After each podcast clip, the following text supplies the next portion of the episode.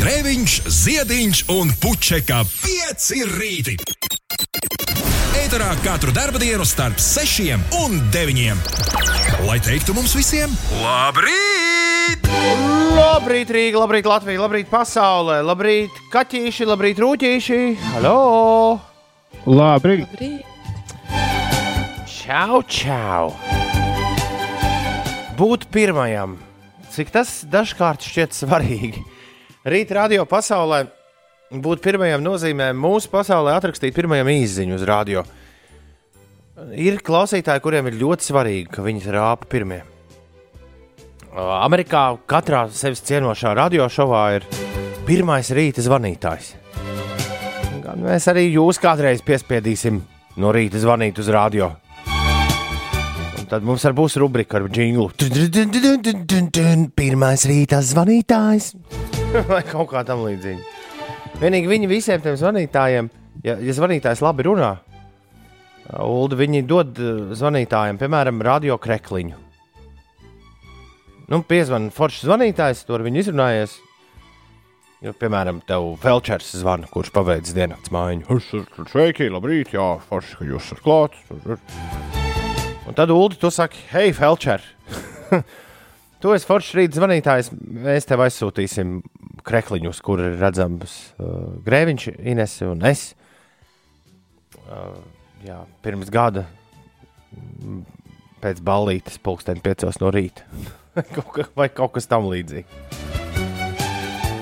Bet Alfrēds jau vienlaikus zvanīja katru rītu. Jā, bet viņš nebija. Pi... Nu, jā, viņš to nedarīja. Pat Alfrēds nedarīja to tik agrā stundā, kāda ir šobrīd. Jo šobrīd lineārajā ētera pasaulē ir 5, ne, 6 minūtes pārpusdienas 6. Bet Alfrēds ir pirmais atrakstījis SMS, un Pečus ir aiz viņu uzreiz rakstījis ar, ar tekstu, jau es pirmais rakstu SMS. Un tāpēc es vispār par šo sāku runāt, jo Peču tu neesi pirmais. Nā, Alfrēds ir pirmais. Man gan.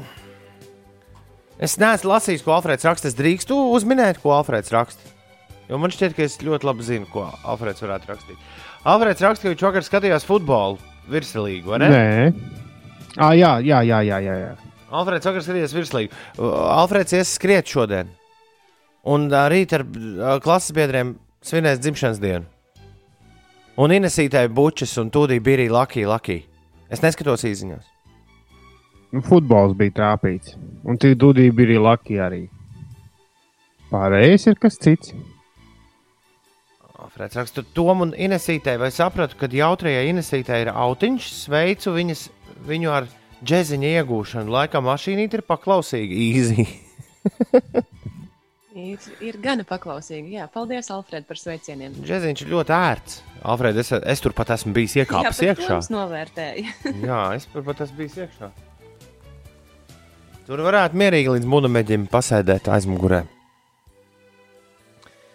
Jā, var gan. Alfrēds rakstīja par futbolu. Pamazām es ieeju sporta skatīšanās pasaulē. Sports sāk atgriezties. Tas ļoti man laimīgu dara. Nu, ne tev vienīgo. Lieliska, lielisks veids, kā nosist laiku. Es nekad neesmu Latvijas virslīgu redzējis tik bieži kā vakar un aizvakar. Pareizāk sakot, es esmu uzstādījis personīgo rekordu Latvijas futbola vērošanā. Tā kā Alfred, tu neesi viens. Mūsu futbols sāk sastāvēt tāpat kā hokejs. Visprātīgākais futbols sāk sastāvēt nu, pēc tām spēlēm, kuras trīs jā, es esmu apskatījis. Sāk sastāvēt no leģionāriem. Ir visādi vīri no Āfrikas. Man liekas, ka galvenokārt no Āfrikas, kas ir ieradušies Latvijā.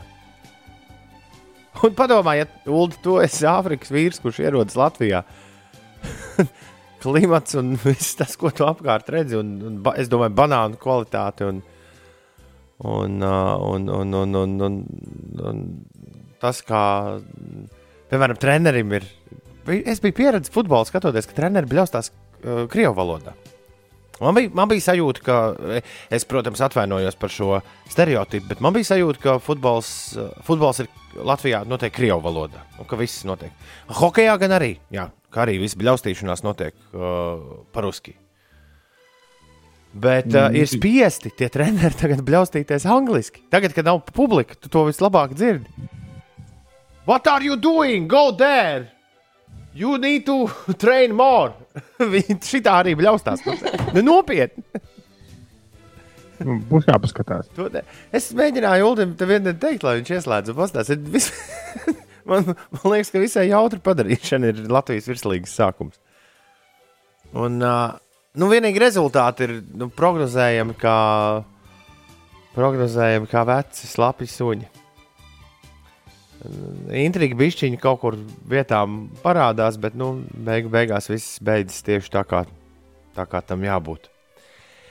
Uh, jā, Nē, es, es domāju par to, uh, par to vīru, kurš no Āfrikas ir. Vairāk viņi ir atbraukuši uz Latviju. Nu, bet, nu, man liekas, vienā brīdī tu esi tik dusmīgs uz visu pasauli, ka, ka tu arī sāc skriet un, un sist vārtus nu, tajā attiecīgajā spēlē, kurā tev ir jābūt.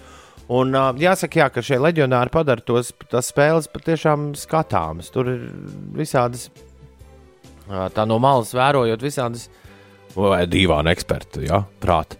Visādas taktiskās lažas. Bet, uh, bet, bet ir čaļi, kas māk ātri aizskriet līdz vārtiem. Un man liekas, ka tas ir, lai futbols būtu skatāms, tā ir, tas ir viens no priekšnoteikumiem. Nu, ka ir džeki, kas ātri skrien. Mm, nē. Mūsējos, man liekas, būtu vienkārši jāliek stadionā un visu gadu skrien, skrien sprintiņus. Bet varbūt tas ir tā, ka viņi zina, ka tie eh, leģionāri aizskries. Nē, nu, tas tā, tā, tā, tā jau Gan tas, jau viņi aizskries. nu, kaut kā tā jau tas droši vien ir domāts. Bet man liekas, ka futbolā, ja, tu, ja vien tu neesi Ronaldo, kurš var no, kurš var no laukuma vidus iesist tādus vārtus, ka vienkārši visiem paliek muti vaļā. Bet tāds ir viens, Džeks. Nā, nu, ir vēl otrs, tas mes, mesija. Tāpēc jau viņi tur plūcis savā starpā. Bet vairāk neviena tāda nav. Tā kā man šķiet, ka futbolā vis, visnovērtētākā lieta ir tāda, ja tu vari paņemt un. Tā kā atceries, Ulu Multenē, eh, šajā te Tunes bija tas. Pipip, pipip. Jā, Tev ir tā- tur tādam jābūt futbolā, un es tā runāju. Ar, es runāju starp citu, par šo ar savu skriešanas treneru. Viņš teica, ka jā, tu, tu baigie treniņi. Nu, tiem čaļiem esot speciāla treniņu programma, kā viņi dabū gatavu to, ka tu vienā brīdī ņem un. Pju. Es tagad neatceros, bet nebija nemaz liels uh, attālums, Ines, ko viņi noskrien vienas spēles laikā. Nu, futbolisti. Vienīgi viņu problēma ir tā, ka nu, tos visu laiku tipini, tipini, tipini, un tad. Pipip, Mauc uz priekšu. Nē, patiesībā es negribēju nemaz Alfrēdu, tu man uzliki uz futbola tēmas. Es gribēju par kaut ko pilnīgi citu runāt šorīt. Es gribēju beidzot jums pastāstīt, kā mēs ar Grēviņu kundzi nakšņojām. Uh, izgājām ārā no mājas, jo man liekas, Ulas bija tas, kurš sāka par to jau martā runāt. Tad, kad sākās, tad, kad sākās uh, dišķibele un uh, jā, sejas maskas sāka lēnām parādīties. Un pavisam noteikti distancēšanās sāka parādīties. Ulds bija tas, kurš teica, ka vajadzētu pārvākties kādu dienu uz viesnīcu, nu, padzīvot. Jo loģiski, ka viesnīcas palika absolūti tukšas līdz, eh, līdz ar Covid-19 pandēmijas iestāšanos. Un ā, šī doma man momentā kaut kur aizķērās. Uh, jā.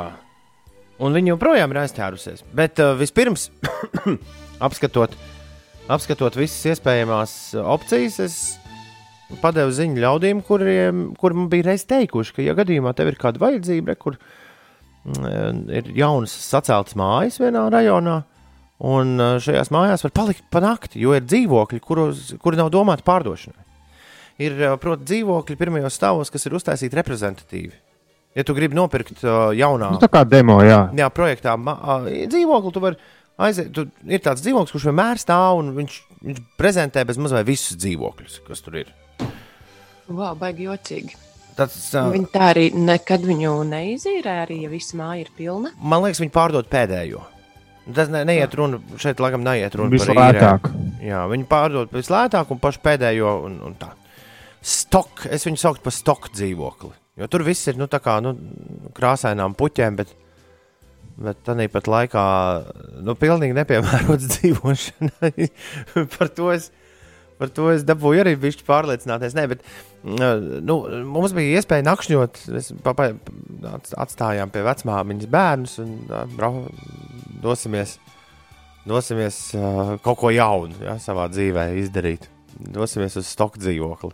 Pirmā lieta - nav televizoru vuldi. Šausmas. Un tev televizoru. Nu, gribējās kaut ko pastīties. Nu, tomēr vakars divatā. Net, Netpliķī bija tieši Pavadiet vakaru skatoties viens uz nu, otru. tā arī, nu, tā arī beigās bija. Jā, jā, jā, jā, jā tā, jau, tā jau beigās arī sanāca. Bet, eh, jā, nu, eh, man liekas, nākamais līmenis varētu būt tik šmikējā veikalā palikt pa nakti. Tur vienīgi nav kur uh, nokārtoties. Un, un arī, Kā nav, tur bija toaletes vairākas tajā demo stāvā. Jā, bet tur esot salikti uh, uzraksti, ka lūdzu, Demo neliet- poderī. lūdzu Nu, nelietojiet. jā, jā. Nu, labi, labi, tur tiešām vai nu bija uzraksta, vai arī tur nu, bija diezgan skaidrs, ka Bet, bet, bet sajūtas ir interesantas. Es neteiktu, ka to vispār var. Jo, nu, kā, man liekas, ka tāda vidas nomaiņa, uh, kardināla vidas nomaiņa, uh, viņai būtu jānes tādas pašas sajūtas, man tā šķiet, kādas nes braukšana uz ārzemēm. Un braukšanā uz ārzemēm tā vidas nomaiņa, man liekas, uh, rīktīgi iesit pa aknām, tad, kad tu esi tur, kur tu vispār neko nezini. Nu, es kādā pilnīgi jaunā vietā, Un līdz ar to tev viss tas piedzīvojums, gan palikšana uh, citā vietā, gan arī viss, kas notiek, kad tu izej ārā pa durvīm, tas ir pilnīgi rauju jumtu nost. Un redz, tā tas uh, Latvijas galvaspilsētā tā tas nestrādā. jo nu, to, tu mēģini apčakarēt to vidas maiņu, bet nu, nu, tas tā īsti līdz galam nav. Jā, bet nu, pats svarīgākais, ja jūs zināt, kāda tajā stoka dzīvoklī sapņi rādās, ui! Tas nāk komplektā ar dzīvokli. Acīm redzot, es nebiju neko tādu redzējis. Es, ir gan pagājis jau labs laiks, jo tas bija pirms gandrīz divām nedēļām. Es esmu gandrīz jau, man šķiet, pazaudējis visas atmiņas par to, kas tur bija. Bet, nu, jo Haidī, tur kaut kāda, pie tam kaut kāda astoņi dažādi scenāriji. Šī tādā, kā sauc, Inception, ja to filmu.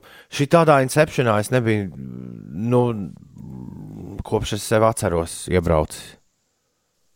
Es domāju, ka tā atceros. cilvēkiem nakšņojot svešā vietā. Tur bija Tā tas, šā- Man liekas, tā ir. Horors Ines gāja vaļā. Nu, reāls horors. Tur ar Nu, nogrieztiem, nogrieztiem locekļiem. Un, vai, nu, tāds ša, šausmenis skatījos pa nakti. Un es jau esmu tāds gaišs tēls.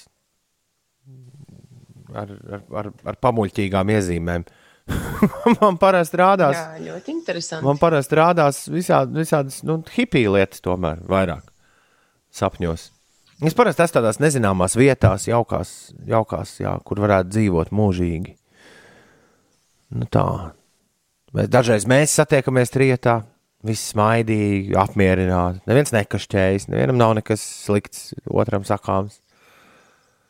Bet jā, vai tad mums kaut kad ir. dabūju palikt. Jā, Nu, tu pagājušā nedēļa. Tā pasties pa nakti, paliec vienreiz stoka dzīvoklī, un uzreiz tev horors sāk rādīties. Uf.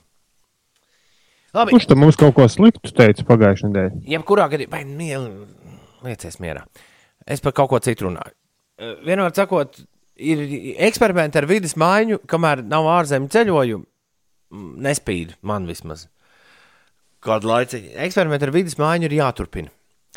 Un, man liekas, tūdaļ būs īstais mirklis Taranet Latvijas viesnīcas. Paskaidrošu. Tāpēc, ka uh, lēnām viss varas vaļā, bet turisms atsāksies, uh, ja var ticēt tām prognozēm, kuras es esmu dzirdējis. Nu, atsāksies jau viņš gausi. Jo tajā brīdī, kad tu gribi braukt kaut kur uh, ceļot, tev ir tomēr jāatceras, ka valdības rekomendācija, un tas nav tikai un vienīgi šeit, ir tā, ka ļoti izvērtē, vai tev ir nepieciešams ceļot. Es pieļauju, ka Inesē bija garš monologs ar sevi. Nu, par to, vai Inesē ir jābrauc. Vai man ir kur. nepieciešams ceļot? Tev ir, nepie, Pilnīgi te, nē. tev ir nepieciešams ceļot. Jā, man nebija garš monologs. Man vienkārši vajadzēja. Nē, es cer, cerēju, es cerēju, ka tev ir garš. Gribēju visiem nu, tevi kā priekšzīmīgu rādīt. Es ceru, ka Artim Wolfam bija garš monologs ar sevi. Ai, man jābrauc ir uz malagu. Jā, nu es tā atvedu kaut ko tādu uz Latvijas rādio. Un es domāju, jā, nu šis monologs bija garš noteikti. Ja jūs esat tādi apzinīgi cilvēki. Uh, jā, viesnīcas tātad temats. Uh, ir pienācis laiks izmēģināt, īpaši tagad, kad, uh, kad, kad šis viesnīcas bizness sāks no jauna, gana lēni uh, darboties. Ir pienācis laiks ULD izmēģināt to, ko es nekad neesmu mēģinājis. Bet esmu lasījis visādās grāmatās, ka tā gudri ceļotāji dara. Un pirms kāds, tagad pēc tā, ko es pateikšu, kāds teiktu, jā, bet visiem viņiem jau ir ļoti grūti. Saprot, viņiem... Man arī, man arī, mums ar ULD arī ir grūti. Dažbrīd 80% mūsu mēneša ienākumi uh, sastāv no, no tā, ko mēs gūstam, dāvājot jums prieku uz skatuvēm, lielos un vēl lielākos pasākumos. Un šādi lielie un vēl lielākie pasākumi, nezinu, kā tev, ULD, es neredzu vēl pie horizonta ka kādu dienu viņi būs atpakaļ tādā daudzumā, kā bija piemēram pirms, pirms pusgada. Nu, lūk, mēs visi esam vienādā situācijā, mums visiem ir tālāk. Līdz ar to mums ir jāsāk domāt, ja mēs gribam kaut ko foršu, mums jāsāk domāt, nu, kā mēs varam to foršu dabūt attiecīgi nu, tā, ka mēs to varam atļauties. Nu, lūk, uh, es nekad šo neesmu mēģinājis. Man gan tā nepiniekšā. Kāpēc? Nu, labāk, lai katrs par Es sevi domāju, stāsta. uz kurien šī, šī runāšana ved. Nē, runāšana ved uz to, ka tu noskati labu viesnīcu. Es, piemēram, vakar apstājos, oh, šitajā viesnīcā gan varētu panākt palikt. Atver pavēr vaļā. Nu, jo, Haidī. Cenas tā kā, tā kā nekas nebūtu noticis. Nē, nu stāsts ir tāds, ka tu zvani uz viesnīcu, pulksteni, teiksim, astoņos vakarā un saki, sveicināti, es esmu o, gatavs samaksāt par, uh, par nakti, rekur šitik. Vai jūs man ņemsiet pretī? Nē, Nu, cik es esmu lasījis, tad, tad šis ļoti labi darbojas. Ir īpaši jā, vietās, kur ir pilnīgi skaidrs, ka viesnīca stāv pustukšs. Pustukša. bet tad tu arī dabūni, nu, tā kā. Nu, protams, Nu, tev, katrā ziņā ne luksus klases numuriņu. tev Tu nevi- kaut kādu. tev neviens neliedz uh, izdarīt piedāvājumu. Tev neviens neliedz piezvanīt Inês. Cik varētu maksāt prezidenta numurs kaut kur? Man liekas, ap kādiem Rīgā ap kādiem 500, 600 eiro naktī. Nu, tas, kas ir visaugstākās klases sūdi. Labi, Tev jau neliedz. Re, kur man ir 250 eiro. Jā. Bet vai jūs man varēsiet dabūt prezidenta numuru. prezidentu? Jā, jā, tieši, Jā. tieši šādu tu zvani, jā, un saki, tev neviens neliedz teikt, nē, nē, nē man nevajag kur Nē, jūs dabūsiet gaiteni. pie prezidenta. Nezinu, man liekas jocīgi. Var jau būt, ka ir jāvērts izmēģināt. Nē, nu, Kā tu taču zini, kādas ir cenas? Un... es, lasu, es lasu trīs rītus laivā, kur džeki nu, ne ar kādu plānošanu nenodarbojās. Nu, tur, kur viņi paliek pa nakti, tur viņi gāja un meklēja, o, kur palikt. Pirms simts gadiem tas šķita pilnīgi normāli. Nu, tu nezvanīji. Nu, tu bija diezgan grūti sakontaktēt to vietu, kurā tu paliksi par nakti. Vēstule bija jāsūta. Vai Jā. ne iedomājies, nu, lai uztaisītu rezervāciju? Tāpēc, tāpēc tas bija, nu, tajā laikā turismā tas bija pilnīgi normāli, ka tu vienkārši ej un uh, klauvē pie durvīm un saki, hei, kāds te ir piedāvājums? Un es, es gribētu kādreiz paceļot šādā veidā. Un pazvanīt uz viesnīcām. Tu apsties internetā, kā. Nu, tu- tev jau, ja tev ir laiks, jo viss jau jautājums ir tikai un vienīgi par laiku. Tu, teiksim, apskaties, nezinu, nu, pie, piemēram, mēs nonāktu kaut kādā Leipzigā šodien. Iedomāsimies, paralēlajā realitātē mēs te pieci rīti ceļo, mēs braucam cauri Eiropai. Mēs nonākam kaut kaut kādā Leipzigā. Mēs apskatāmies Leipzigā mm, pieņemamu šmeju BNB ja, piedāvājumu, ko mēs varētu tā kā arī paņemt. Ja mēs apskatāmies, kāda piedāvājuma ir viesnīcās, kas, kas vispār ir dabūjams uz šo vakaru. Un Tad tu pasties, ārā, kurš tajā viesnīcā ir nu, viss forši. Nu, joku pēc uzzvanīsim un piedāv, pateiksim 50% lētāku cenu. Un paskatīsimies, kas notiks. Nu, runāt, cik es esmu lasījis ceļojumu blogos, un, un, un, un, un tiešām arī pāris turismu grāmatās, ka šis darbojoties. Ar noteikumu, ka tev ir laiks uz kādām piecām, sešām viesnīcām piezvanīt. Un vēl tas bija jādara pēc sešiem vakarā, ja pareizi atceros. Teikšu, godīgi, šo neesmu pētījis. Es esmu vienīgi es esmu darījis tā, kā tu saki, ka, nu, ka viesnīca meklē konkrētajā vakarā. Tas gan parasti diezgan stresants pasākums, vismaz iepriekšējā pasaulē. Nē, nē, es runāju Bet... par jauno pasauli. Es iepriekšējā pasaulē iespējams arī šo nedarītu. Tas tā. Bet tu to gribi Rīgā mēģināt, ja? Nu, vai jūrmalā, teiksim. To būtu grūti darīt uh, citās vietās, kur to viesnīca vienkārši fiziski ir maz. Līdz ar to viņām ir automātiski. Es domāju, ka, nu, piemēram, kuldīgas viesnīcām ne par ko nebūs jāsatraucas. Vismaz vasaras otrā pusē. Man tā gribētos cerēt. Bet šo var noteikti mēģināt vietā, kur viesnīca ir krietni vairāk nekā, piedā, nu, nekā pieprasījums.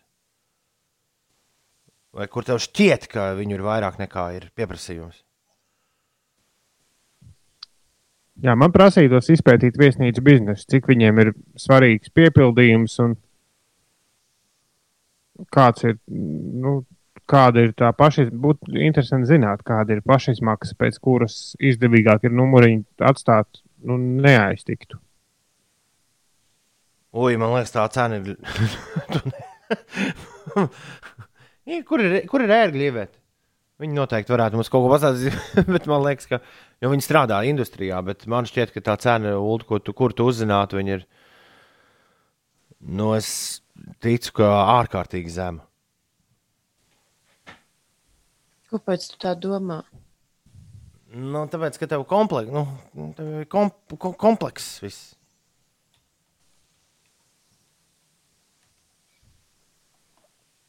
Jā, laikam salīdzināt ar ēdināšanas industriju nevar. Ēdināšanas industrija tur ietilpst. Visi tavi bekona nolas, kuras tu mēģini bet... iznīcināt brokastīs. Jā, un par to nav atsevišķi jāmaksā. Nevēl, tur ir speciālas skolas, kurās mācās cilvēki, kur māca šo visu pārvaldīt. Nu, jebkurā gadījumā, pagaidām. Ja, es tikai tā gribēju pamest ideju. Ja nu pēkšņi sagribas vidi nomainīt, ja? Un vēl es gribēju teikt, ka es to arī nu, pats plānoju pamēģināt kaut kad drīz. Un par saviem panākumiem vai izgāzumiem atļaušos jūs informēt. Tu vēl nezini, kurā vietā? Man ir idejas, bet uh, kāpēc, uh, kāpēc tev interesē tieši konkrēta vieta? Mm, tāpat paprasīju. Tā, lai uzturētu sarunu. Nu, jā. es vakar sazvanījos ar Vācijas avio kompāniju lielāko. Man parīt bija jālido ar, ar savu studiju biedreni, ar kuras šādu mēdzu filmu skatīties kopā. Mums bija jālido uz pirmo kinofestivālu manā mūžā. Viņa laikam ir bijusi kādā. Uh, jā. Bija doma Jāņus pārlaist bez Jāņiem, bez, vispār bez līgo, jebkādu. Vienkārši sēžot kinoteātrī vēsā un skatoties vecas filmas. Šis plāns uz kādu citu gadu pārliekas. Viss jau it kā bija nokārtots, bet nu, jā, tad uznāca šis te. Un, un skaidrs, ka Boloņā, Itālijā, neviens nekādas filmas tagad nerādīs.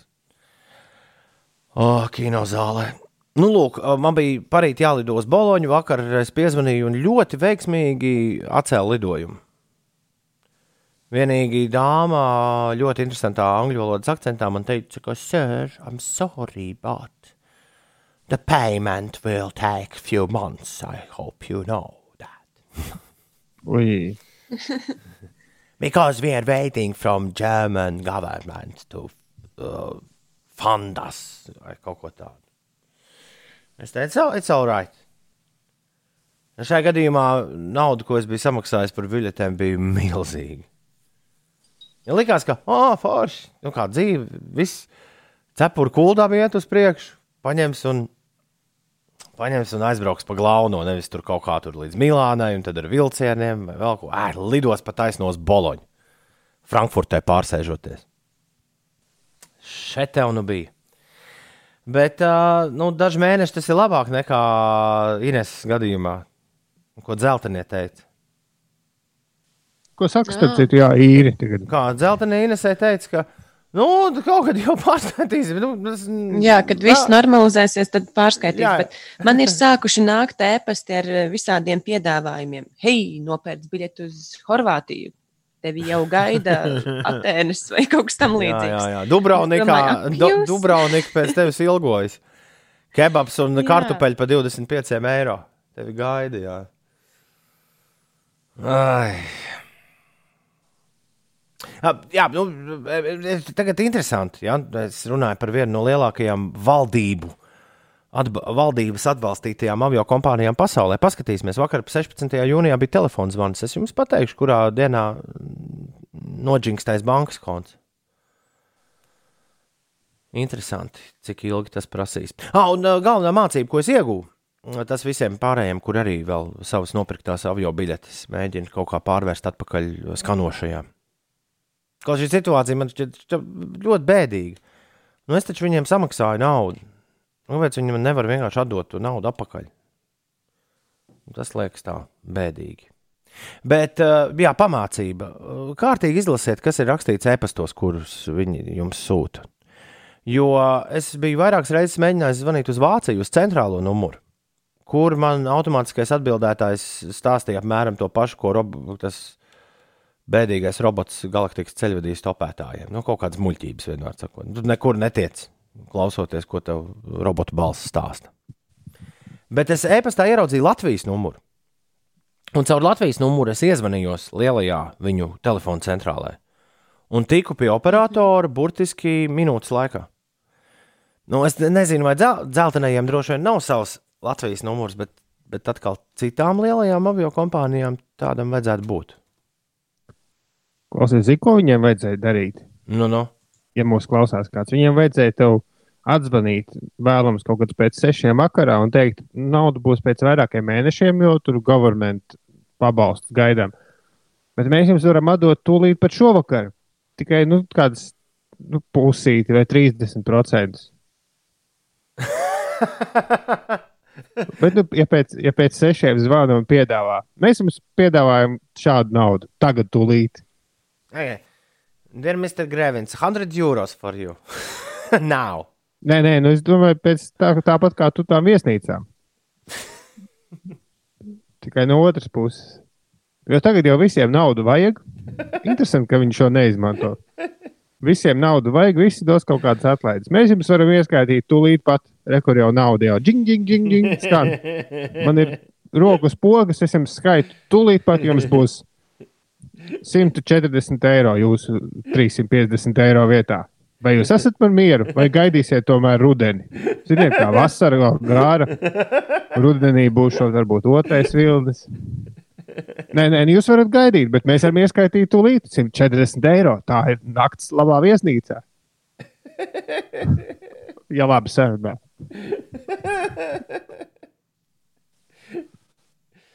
Jā, tas tiešām izklausās.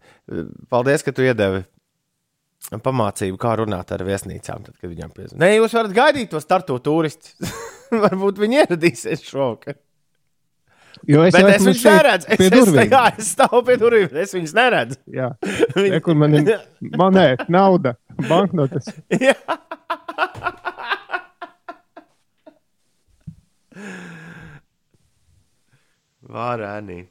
Nu, jā, re, kur kāds raksta, ka naudu par lidojumiem dabūt. Nu, te, tas loģiski, jā, ka, ka tur jau viss jau ir samaksāts. Tur ir arī ķēdīti. Tur degviela, darbinieki, lidostu atļaujas. Tā nauda jau sen ir aizgājusi. Nu, es tiešām ceru, ka šī tā te, kā to tantīti sauc, kas Vācijā pie varas. Merkele? Jā, es ceru, ka Merkele vienkārši nu, iedos naudu tai kompānijai un teiks, "Ē, aizskaitiet visiem šiem latviešiem, kuriem bija biļetes. Ja jau, viņiem, ja jau viņi nevar būt pacietīgi un nomainīt savus reisus. Un man tikai Ines sarunas laikā vienreiz atgādināja, ka varbūt tomēr nu, jūs vēlaties pārcelt savu reizi nu, uz kādu citu reizi. To tavu voucheri tā kā, ja, piedāvā izmantot. Ne, viņi bija gatavi, viņi konkrēti, tā kā lielā kompānija, viņi bija gatavi visu darīt. Nu, mm -hmm. Ja es saprotu, es varu, ja, ja, iespējams, ka kontinentālās Eiropas ietvaros es varētu ar viņiem visu sarunāt. Nu, jebkuru galamērķi tur papakaļ. Jebkurā laikā. Bet, nu, man, es te lasu, vai ne? Man rakstīts, izvērtējiet nepieciešamību ceļot. Man nav, nav nepieciešamība ceļot. Es ceļoju tikai, lai, lai dzirdētu foršas grupas, kuras nevar dzirdēt Latvijā. Galvenokārt. Nu, tās grupas droši vien tāpat nespēlēs. Vēl kādu gadu vismaz. Tā kā nav nepieciešamība ceļot. Atdodiet naudu, tāpēc. Labi, būs rudenī. Paldies! Rekordziesma par to, kā es jūtos. Marčēlo raksta, uh, skatoties no otras puses, ja es tagad zvanītu Tomam, ņemot vērā, ka balīts nenotiek un piedāvāt spēlēt privātu balīti par puscenu. Nu, tā jau īstenībā notiek. Bet tieši tā jau, Marčēlo, kāpēc sākās viss šis uh, stāsts? Un tā mums tā ekonom, ekonomika uh, nu, saruks. Ekonomika. Paldies, Jā, Dievam, nezvan, piedāvā- vēl, paldies Dievam, nezvan sveši cilvēki. Līdz šim ir zvanījuši tikai nu, pazīstami. Sveši vēl nav saņēmušies. Bet, uh, paz, Ekonomikas vietā būs ekonomija. bet pazīstie, pazīstamie saka, ka, nu, klausies, nu, jau, tu jau saproti, nu, kā ir. Nu, nu ja? Es labi saprotu. Labāk tā nekā sēdēt Tāpēc arī mājās. un zvanot, tas zvanot luksus viesnīcai, o, pustukšajai, es arī teikšu, un jūs taču saprotat, kā ir. Un kur, kur Un tas es varu- es varu palikt- beigsies? mājās. Es varu palikt arī mājās, ne, bet nopietni. Saprotiet, kur ir 30 eiro? Ja? Es patiesībā izdaru labu darbiņu jums, Jā, aizbraucot Jā. Jā. vienu vakaru, Jā. paliekot viesnīcā. bet, nu, bet tā ir. Jā, bet svarīgāk ir mēģināt izdomāt, kurā brīdī šis aburtais lokus beigsies. Jo viss piedāvās lētākus mm, pakalpojumus, prasīs lētākus pakalpojumus tur, piedāvās lētāku tev darbu, eh, zemāku par zemāku cenu. Tu mēģinās kaut kur tur kaulēt ēdienu zemāku tirgu. Ne labi, tas stulbs vienmēr tur jau tā kaulēšanās ir modē. Bet kur šis aburtais lokus beigsies? Degviela Kā, tad, kad būs tagad. daudz naudas visiem atkal. Īpat No nepamē... kurienes? Īpa nepam... Nepagūs pamirkšķināt acis, un atkal pēc kādiem desmit gadiem būsim zirgā. Bet no kurienes tā nauda radīsies, ja vis, visiem mēģinās maksāt mazāk? À? Jā. Vienā brīdī Domā. kāds piecelsies un teiks, man pietiek. Šo sauc par Vai arī, makroekonomiku. vai arī uzrādīsies jauns Rīgai 800 Ā, vai kultūras pilsēta. Nu, kaut kāds finansējums nu, no zila gaisa, kurš ir jāapseko ļoti daudziem. Tas jau nekas nav no zila gaisa. Bet sajūta Tas... ir, ka ir. Nē, nu mēs, to šo, mēs to joprojām maksājam, taču atdodam. Tu visu bal... Nodokļos. vis, visas balītas ulu tu gribi sačakarēt. Nē, vienkārši vajag, vajag padomāt mazliet tālāk par degunu galvu. Nu, kā tas viss tur notiek? Kad, Jā, vajag darīt kā Ulas. Viņš domā tālāk par degunu galu. nē, man tas ir. Man brīlēm. tas, tas in, interesē. Es, piemēram, ska, pilnīgi skaidrs, ka es šodien izpētīšu, kā darbojas viesnīcas peļņa un, un apgrozījums. Jo tas vienkārši liekas ļoti interesanti. Bet cik tālu, lai izpētītu, kā darbojas valsts peļņa un apgrozījums, un no kurienes uzrodas jauna nauda? Nu, jā, jo rūpnīcas jau mēs negribam celt. Nu, tikai nu, celt, bet tikai ne pie mums. Visādas tur citādas lietas. Nu, mēs tur strādāt negribam. Strā, nē, strādāt gribu tikai, lai tas nav mūsu, tur, nu, kaut kur mūsu rajonā. Ir taču tik daudz neapdzīvotas teritorijas. Tur arī jāceļ. Tā kā skrundā tas tur, nu, lielā māja. Zini, Nē, ne, Lielā cilvēki vai? negrib nekur. Jā, bet labi, šī ir atsevišķa tēma. Ivets no Egļiem mums daudz ir sarakstījis visu kaut ko pa viesnīcām. jā. Somija jau ir sabraukuši, cilvēki interesējas. Es arī es saku, es sestdien pamanīju, turisti ir uzradušies diezgan daudz. Diemžēl, jā, es arī pamanīju. Diemžēl. Braucot ar velosipēdu, nu, Kamēr- jā, braucot kamēr ar nav- riteni, tas ir kaitinoši. Man tik ļoti patika tas laiks, kad Rīgas ielas bija tukšas, varēja braukt pa ielas vidū, netraucēt. un Tagad ir jāizvairās no cilvēkiem, jo visi iet uh, un skatās uz to melno kaķu un fotografē. Salauz elkonu šīs problēmas uzreiz atkritīs automātiski. Nē, paldies! Tā es negribu atrisināt savas problēmas. Man tomēr patika, ka cilvēku skaits ielās bija mazāks. Jā, bet Ivets apstiprina, ka dažos gadījumos numuru elektrību tīrība apkalpošana dažreiz ir izdevīgāk numuru ne, nepārdot. Aha. Nu, lai tā būtu. Vismaz lielajiem numuriem. Today very lucky! Congratulations me! Yay! Labrīt, ir ā, trešdiena, 17. jūnijas. Ar tevi kopā Latvijas Rādio 5, 5 LV. Šis ir raidījums 5 rītī. Celies augšā! Jo guļ tikai sliņķi un slīmesti. Sliņķis un slīmests ir taču viens un tas pats ulu, ne?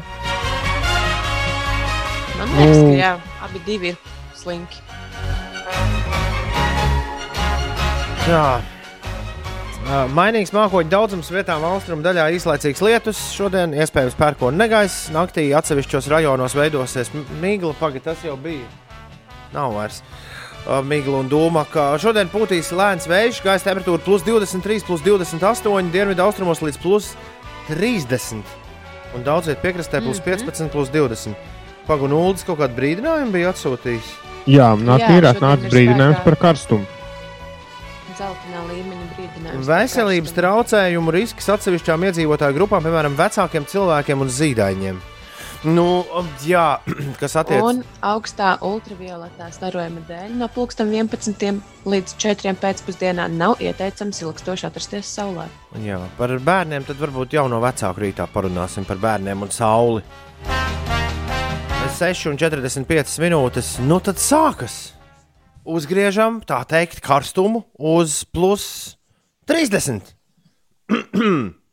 Kāpēc gan ne? Rīgā man gan rāda, ka plus 29 būs augstākais. Un kā tā pa jāņiem? Nu, tas tagad katru rītu jāpasaka. Pa jāņiem, ho, ho, augta arī tur temperatūra. Jau līdz plus 22 aizkāpis. Cerams, ka celsies vēl. Kam jāceļas, tam jāceļas. Ak, Donna, Donna, Donna, Donna, Inesē. Ē, Jā, Kas notiek? Jā. Lūdzu, pastāstiet mums. Tagad. Lietuvā no šodienas ir atcelta pirms trim mēnešiem noteiktā karantīna, bet joprojām paliks spēkā februāra beigās izsludinātā ekstremālā situācija un darbosies noteikti ierobežojumi. Tirzniecības pakalpojumu un izklaižu vietās nedz apmeklētājiem, nedz darbiniekiem sejas masku valkāšana vairs nebūs obligāta, tomēr ieteicama, bet joprojām būs jānodrošina dezinfekcijas līdzekļu pieejamība un vismaz metra atstatums starp eh, cilvēkiem. Paliks spēkā arī prasība vismaz reizi stundā vēdināt telpas un vismaz divreiz dienā dezinficēt virsmas. Par eh, sportu ASV atklātais čempionāts eh, tenisā sāksies kā plānots 31. augustā, taču notiks bez skatītājiem. Tā vakar apstiprināja rīkotāji pēc nedēļām ilgas neskaidrības par turnīru koronavīrusa krīzes dēļ.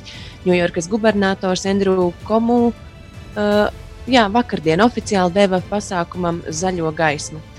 Un par pašmājām šodien 12. klases skolēni kārtos izvēles eksāmenu ķīmijā. 19. jūnijā notiks eksāmens bioloģijā, 26. jūnijā fizikā un pēc jāņem sekos skolas līmeņa eksāmeni vēl. Ir bez desmit minūtēm septiņi. Tā bija Donna, Donna, Donna, Inesē. Tev ir kāda draudzene, nebija Ines? Nē,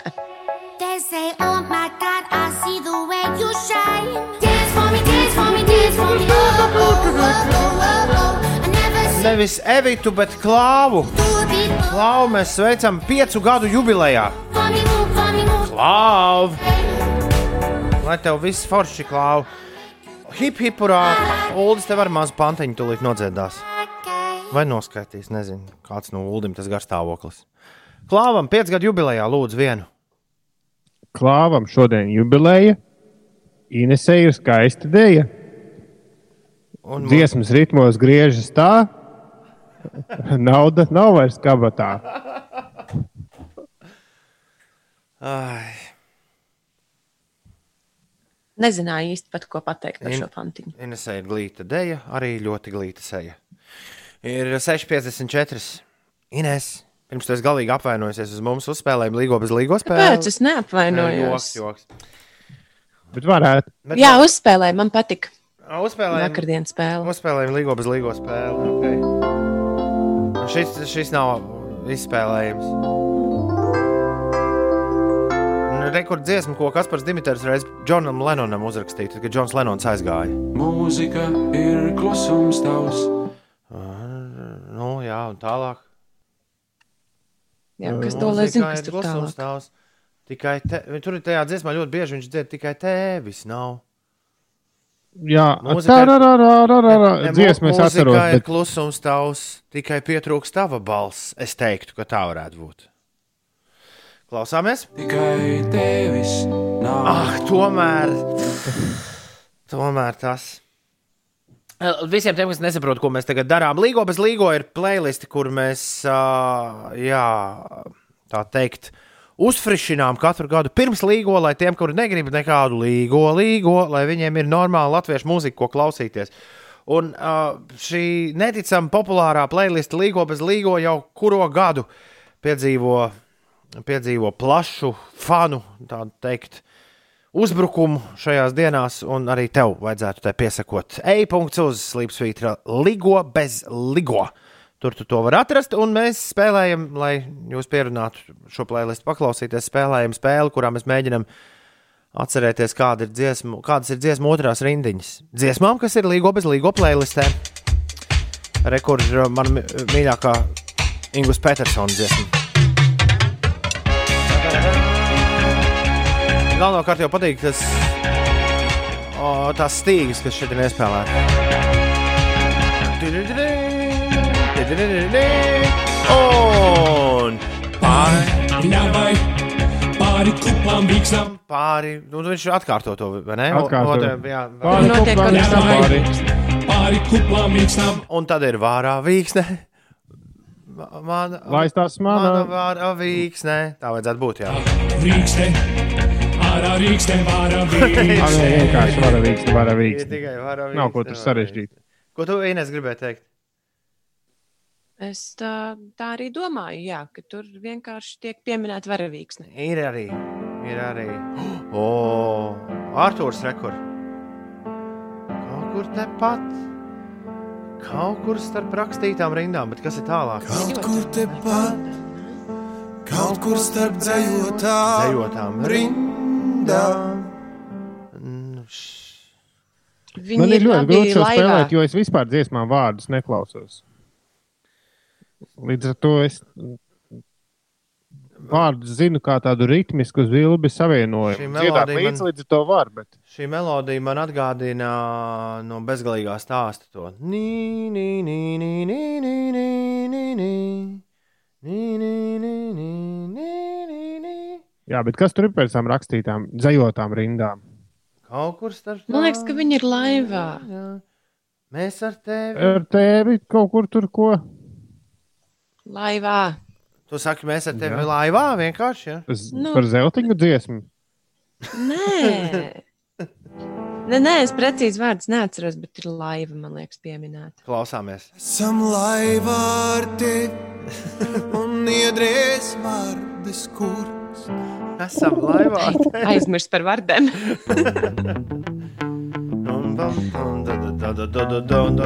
Bet es ar kājām uz ogri. Un tu uz lūdzu pēc pogas. Nē, tas bija citā dziesmā. Šubrauskis, hospitāla iela. Aiziet! Nu, Edgars, sāc dziedāt.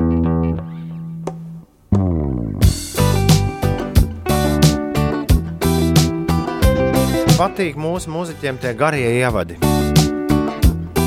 Kur nu bez tiem? Ap piekdienas rītā viņa brauca uz Madonu. Un paprasīja Mm. šoferim padomu. Piestāja maizes veikalā pa ceļam.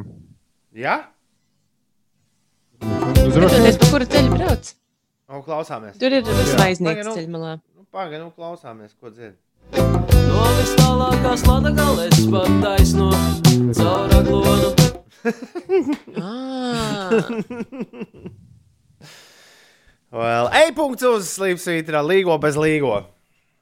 Tuvojas svētki, un playliste ir gatava uzfrišināta 2020. gada versijā.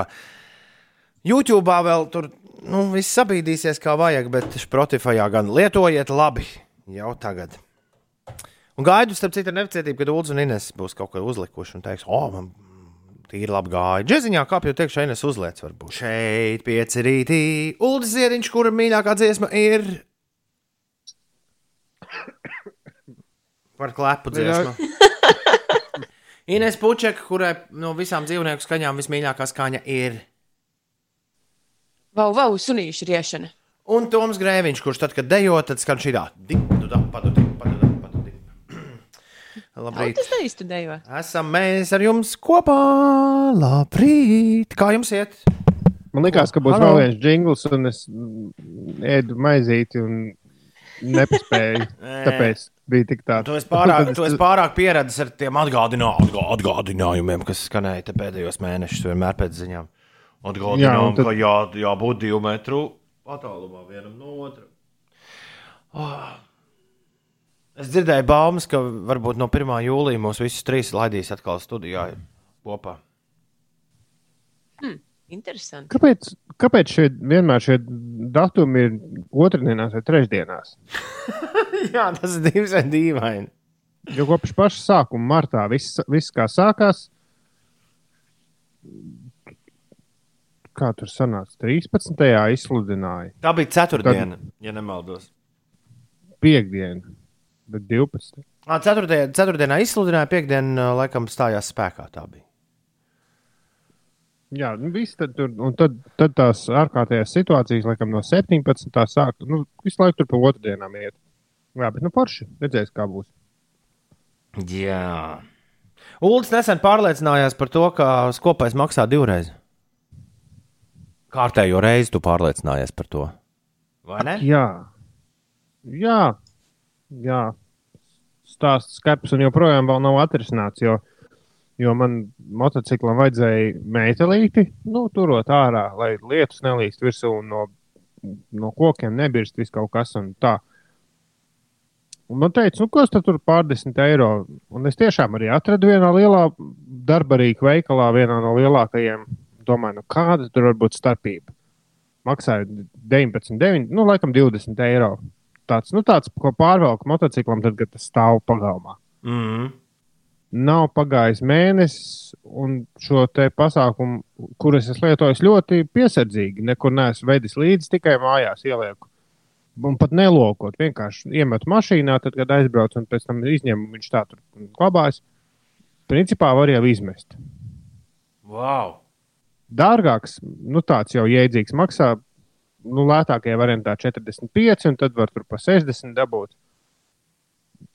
Tas nozīmē, ka ja es tagad pirktu vēl vienu lēto, kas atkal pēc mēneša būtu izmetams, turklāt lietu laiž cauri, un tad, kad bija lielie lieti, tad, tad, tad, tad viss labs. Tad es jau būtu iztērējis 40 eiro, ja es tagad nopirku vēl vienu lēto. Aprēķinot elementārus aprēķinus, šai vasarai, vai- šai vasarai vajadzētu vēl vismaz divus tādus lētos. Tas nozīmē, ka es jau būtu samaksājis 60 eiro, par ko es būtu nopircis vienu, kas kalpotu daudzus gadus. Ko no šī var mācīties? Par to, kas kopais Jā, maksā divreiz. 60 eiro. Nē, nu, nu jau pavēlu, jo tagad man sanāks 80 kopā. Ja es pirkšu tagad to dārgo. Nu, Pagaidiet, ko tad Tagad tu Jā, Mēģinu. bet, bet varbūt tas dārgais tev noderēs arī nākamajai vasarai. Bet kā var pārvalks uh, nu, beigties? Caurs, uh, tur, tur ir izdilis, Oi, izdilst pa vīlēm, laiž ūdeni. Viņš tajās vietās, pie tam, ja es vēl locītu katru dienu vienās un tas pašās locījuma vietās, tad es saprastu. Viņš ir tā kā Nu, tu esi redzējis teltis, kas ir turismu veikalos, un teltis, ko pārdod lielveikalos par 6,99. Jā, tās nā, pirms Grēta Thunberga sāka runāt, ar tām es braucu uz festivāliem un tās tur atstāju. Nu, Nu, atšķirība ir apmēram tieši tāda, jo arī tam lētajām deltīm ūdens parasti pie lielākiem lietiem sāk sūkties cauri. Tās ir stipri līdzīgas. Ines, es tev esmu stāstījis, kā Glastonberijā pēdējo reizi, kad es tur biju pirms simts gadiem, kā man pārvērtās telts pa kuģi.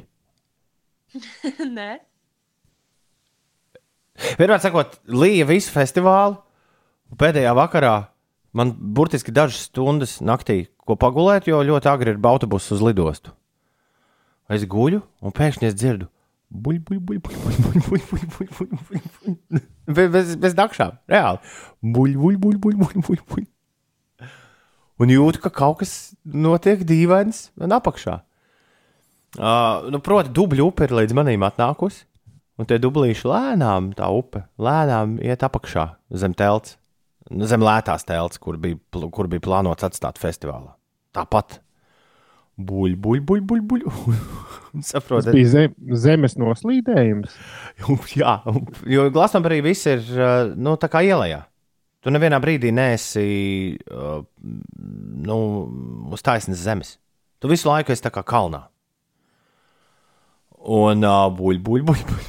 Es knapi pagūvu, uzvilkt bikses, uzvilkt lietus mēteli, paņemt savas, savu somu, kur viss jau bija sapakots.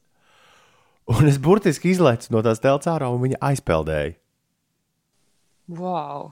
kopā ar daudzām citām teltīm. Viņi vienkārši devās tālāk, Albionas laukos, kaut kur tālu prom. Bet, ja tu būtu palicis teltī iekšā, varbūt tu būtu viņu nu, noturējis uz vietas. Tajā vakarā līja nežēlīgi. Es biju, iep- es biju pēdējais koncerts, ko es skatījos, bija Chemical Brothers, kur headlinoja uz Azarstage. Es pirmo reizi redzēju toreiz to viņu milzīgo diožu ekrānu. Tā ka tev liekas, ka tev tur reāli tu dzīvo video klipā iekšā. Tas, tas ir tas arī, kāpēc cilvēkiem, man liekas, vispār patīk Chemical Brothers koncerti. Un zini, kā es dejoju, Ines, jo dubļi bija tādi, ka tu esi nu, līdz gumijas zābaku galiem dubļos. Vienīgā iespēja, kā dejot, ir, ka tu dejo ar rokām. Nu, tu esi iegribis dublīšos, un tad ar rokām tu baigi danco līdzi un tik gurnus grozi. Starp citu, ļoti, ļoti nenogurdinoši. Jo tad, kad tu ar kājām nu, visu laiku tur šitā te dari, tad atkal sāk piekust. Mm. Bet tas lietas toreiz bija episks. Kāpēc tam tik ārā pēc tās stāvdajošanas? Nu, nav tā, ka Oi, tur bija- zābaki. Tas bija jautri, kā cilvēki iet. Un, bet, bet, un kas nav jautri, ja tajā brīdī galvenais, ko tu pūlī domā, kaut es nenokristu, kaut es nenokristu. Jo, ja tu, jo tu nokrīti uh, šajā situācijā, nu, tad ir mega ziepes. Un ja nav neviens, kurš tevi uzreiz paceļ augšā. Un ne- tas bija gads, kad es biju viens pats, tur Gunzučik kaut kur Bet viņu glaunu uz viesnīcu veda Angļi. Um, Ik pa laikam es Gunu Zučiku satiku, kur tur bija. Bet, uh, bet tas bija gads, kad es biju pilnīgi viens pats. Un, un es ļoti uztraucos par sevi pats. Un sev pieskatīju. Nu, un, bet, protams, ka tā pārvietošanās starp, starp skatuvēm ir trīsreiz lēnāka ulu nekā, nekā Nē, tas laikā. zābaki iesūcas zemē, un tad katrs, katrs solis kā. Tā vismaz man iedomās liekas. Un tad piebrauc National Express autobuss un, un izkāpja vīrs un saka, tā, re, kur jums ir izkasts mājas, visas savus zābakus lieciet tur iekšā. Neviens ar zābakiem nekāps iekšā. Un līst. Un tu saliec zābakus. Ah, Un man ir biļete, nu, lai to stāstu noslēgtu ātri. Man ir biļete līdz Hītrovs lidostai, jo tā, tas ir vienīgais gala punkts, kas man šķiet jēdzīgs, uz kuru braukt. Bet man ir jālido no Stānstedas loģiski ar dzeltenajiem mājās. Un viss normāli, tur 4 stundas starpā, viss kā vajag. Un būs iet laikam no Hītrovs uz Stānstedu stundu 15. Viss izreikināts, viss baigi labi. Un es aizēju līdz busam nākamajam. Un tu atceries, ka tev nav zābaku. Mm -mm. Un buss ir salūzis. Mm. Viena poļu meitene, nu, kurai arī jāpaspēj uz savu lidmašīnu, mēs domājam, "Ai, nu da, ņemam taksi. Un savādāk nepaspēs. Ņemam taksi.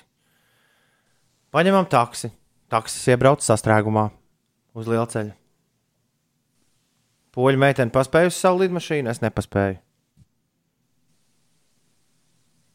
Tad es vēl kratījos cauri visai Londonai uz uh, Getviku, lai lidotu no tās vakarā uz Rīgu. ja es kādreiz esmu jūties izmisis, tad tā bija tā diena. Un Viņi sākās ar buļbuļs, buļbuļs, buļbuļs, buļbuļs. Buļ. Un beidzās pulksten vienos, uh, vienos Rīgā naktī ar, uh, cik nu tur sanāca, kādiem plus 300 latu tajā laikā tēriņiem. Ja ne pat vairāk, jo tad par to taksi es arī, ah, nē, to laikam poļu meitene samaksāja. Viņa teica, tu jau tā, tu nepaspēji uz savu lidmašīnu, es paspēju, rekur, es samaksāšu. Nebūtu, Jā. nebūtu bijis buļbuļs, buļbuļs, buļbuļs, buļ, varbūt tas būtu noticis pavisam savādāk. Bet atmiņas toties stāsti. Es brīnos, man, man šķiet, šis ir viens no tiem stāstiem, kurus stāstu vienmēr. Es brīnos, ka Inês to nebija dzirdējusi. Es šo tiešām nebiju dzirdējis. Tagad ir, tagad ir. Ir 15 minūtes pāri pusdienas septiņiem. Tas viss ar to nu, tikai dēļ ulu lielveikalu teltīm, kuras kādreiz es pirku tā kā Baltmaiņas. Jau 16 minūtes pāri septiņiem. Vai celies augšā? Mūsu Rīga Latvijā! Klāt lieliska diena! Ho, ho, ho, ho. Pats nedēļas vidus. Un tūdaļ pat būs mega garas brīvdienas. Mieru, tikai mieru. Smiers noderēs sē- sēdot pie ugunskura visai drīz. Uh, tā, 17. jūnijā ir jau mums te atkal vesela plējāda ar sveicamajiem. Artim un Artūram šodien ir vārdu svētki. Čau, Arti un čau, Artūr. Uģim Prauliņam, komponistam un mūziķim ir dzimšanas diena. Jānim Ernštreitam, diriģentam sveiciens. Latvijas Nacionālā teātra aktrise Lāsma Kungrēns viņa dzimšanas dienu. Venusa Viljams, amerikāņu tenisiste, ar šodien dzimusi. Kendrikam Lamāram ir dzimšanas diena, amerikāņu reperim. Barijam Manīlovam, amerikāņu dziesminiekam un producentam ir dzimšanas diena. Un Inesai īpaši Santiņu jāapsveic. Jā, Santa Mucinietis sveicu dzimšanas dienā. Mēs reiz hokeju kopā spēlējām. Un sveiciens manam brālim Artūram vārdienā. Artur, puček! Jā, Lai tev viss labi, draugs mīļais. Huh!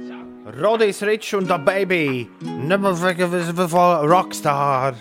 Tā, tā viņi te dzied. Runā tā kā pieaugušo radio, bet spēlē visādus, visādus tīņu hitus. Tas nu ir tas, kas ir tavā radioaparātā. To sauc par pieci rīti, un par to pieaugušo radio vēl varētu uh, krietni pastrīdēties. Rīta cilvēki, paldies, ka dodat enerģiju trešdienā, raksta Krišs. Gribētos apsveikt savu čomu vārdu dienā. Artur, turies! Pagaid, bet ir gan Arturs ar īso, gan ar garo U, vai ne? ir, Un tad, vēl, un tad vēl ir Arthurs, kurš sevi par Arthurs ir nosaucis. Tur vispār neko nevar saprast. Viņš ir nomainījis oficiāli. Viņš vārdu. bija uz a, garo U vai īso U. Es nekad viņu neesmu pazinis kā tādu.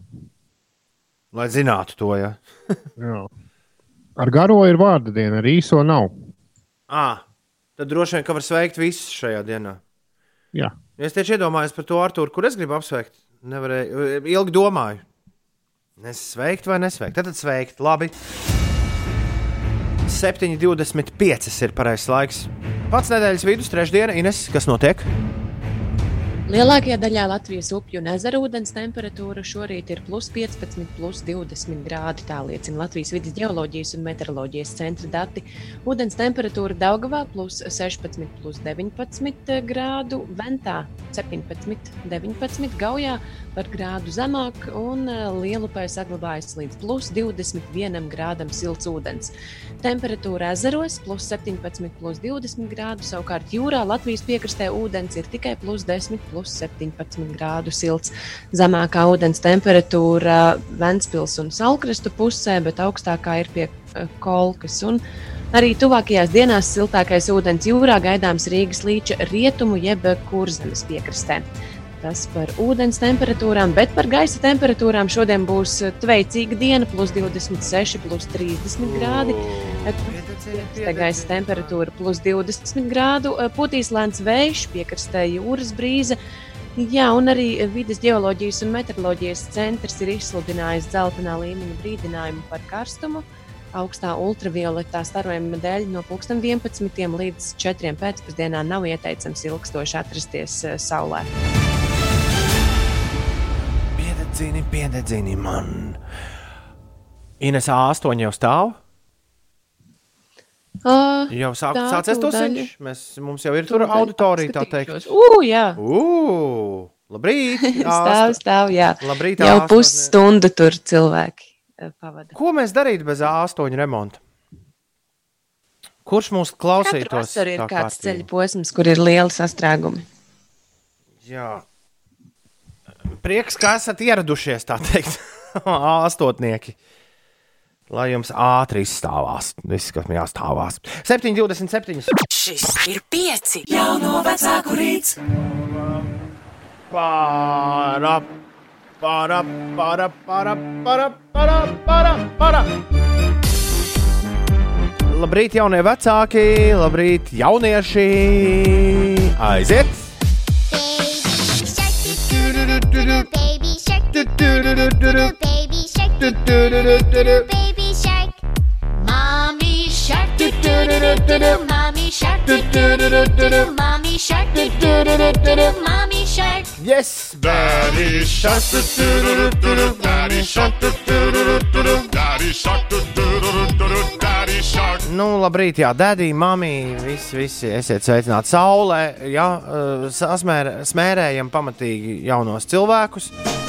Jo nekad neaizmirsīšu, kā biju aizbraucis ar viengadīgo evertu. Tad, kad manam vecākajam dēlam bija tikai viens gadiņš, pirmais ārzemju ceļojums, uz kuru mēs devāmies, bija uz Lisabonu. un Pavadījām saulainas, jaukas eh, dienas, veselu nedēļu šķiet, jā, Eštorilu vietā dzīvojot. Burtiski aiz, aiz stūra man bija milzīga, milzīgais kazino, kas šķiet ir lielākais Eiropas kazino, kur Ains Flemings reiz senos laikos izdomāja James Bondu tur dzīvojoties. Un, un, un, un, un uzreiz no tā kazino ejot, nu, minūtes desmit, ne vairāk ir vajadzīgs. Tu nonāc okeāna krastā. Tur var sauļoties, un tur var, tur var forši dzīvoties. Sacīts, darīts. Ejam sauļoties un ejam dzīvoties. Un pienāca mums klāt vācu dāmīte, tāda tantīga. Nu, es to noteikti stāstīju tajā laikā arī par radio. Jau no vecāka rītā, bet uh, vasarā klāt šodien atgādināt katru gadu. Pienāca klāt tāda vācu seniora un teica, jūsu bērniņš ir tā kā tāds jauns ziediņš, un viņam saulīte var ļoti, ļoti nodarīt pāri. Un tad daudz ļau, ļaunākā to nīnes, kā tu vari droši vien labi iedomāties. Un tagad ejiet prom, jā, ātri. Jo jums nav ar, Sākums bija labs. ar mazu bērnu, jums nav tādu mazu bērnu jābūt. Nu, Pastieties, pulkstenī, jūs esat intensīvajā saules laikā atnākuši. Ah, tev rīktīgi aizdzīja. Jā, jā, jā. jā. jā. Zēne sākumā bija ļoti tāds, un tad pārvērtās omē, omē, omē bargajā. Un uh, uh, man jau liekas, ka mēs bijām tur, mēs visi bija labi, mēs bijām sasmērējuši un, un tā, un nebijām arī nākuši ar domu tur stundām sēdēt, bet, nu, vienalga. Sabiedrības noraidījumu tā kā, tā kā dabūjām izjust.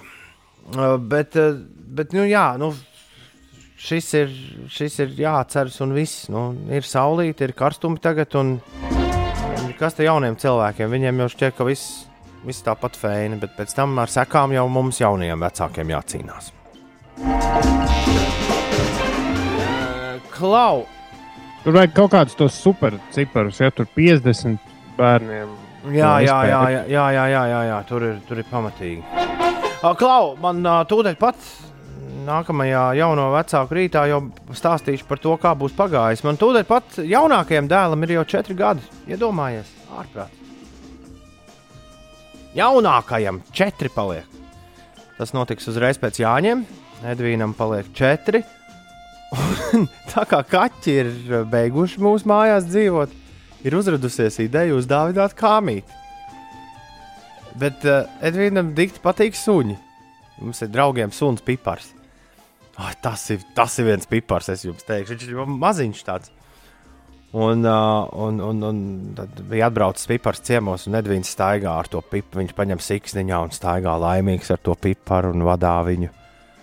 Un, un, un glauda un bužina un pipars tikai cer, ka dabūs kādu gardumiņu un iedod gardumiņu un tā.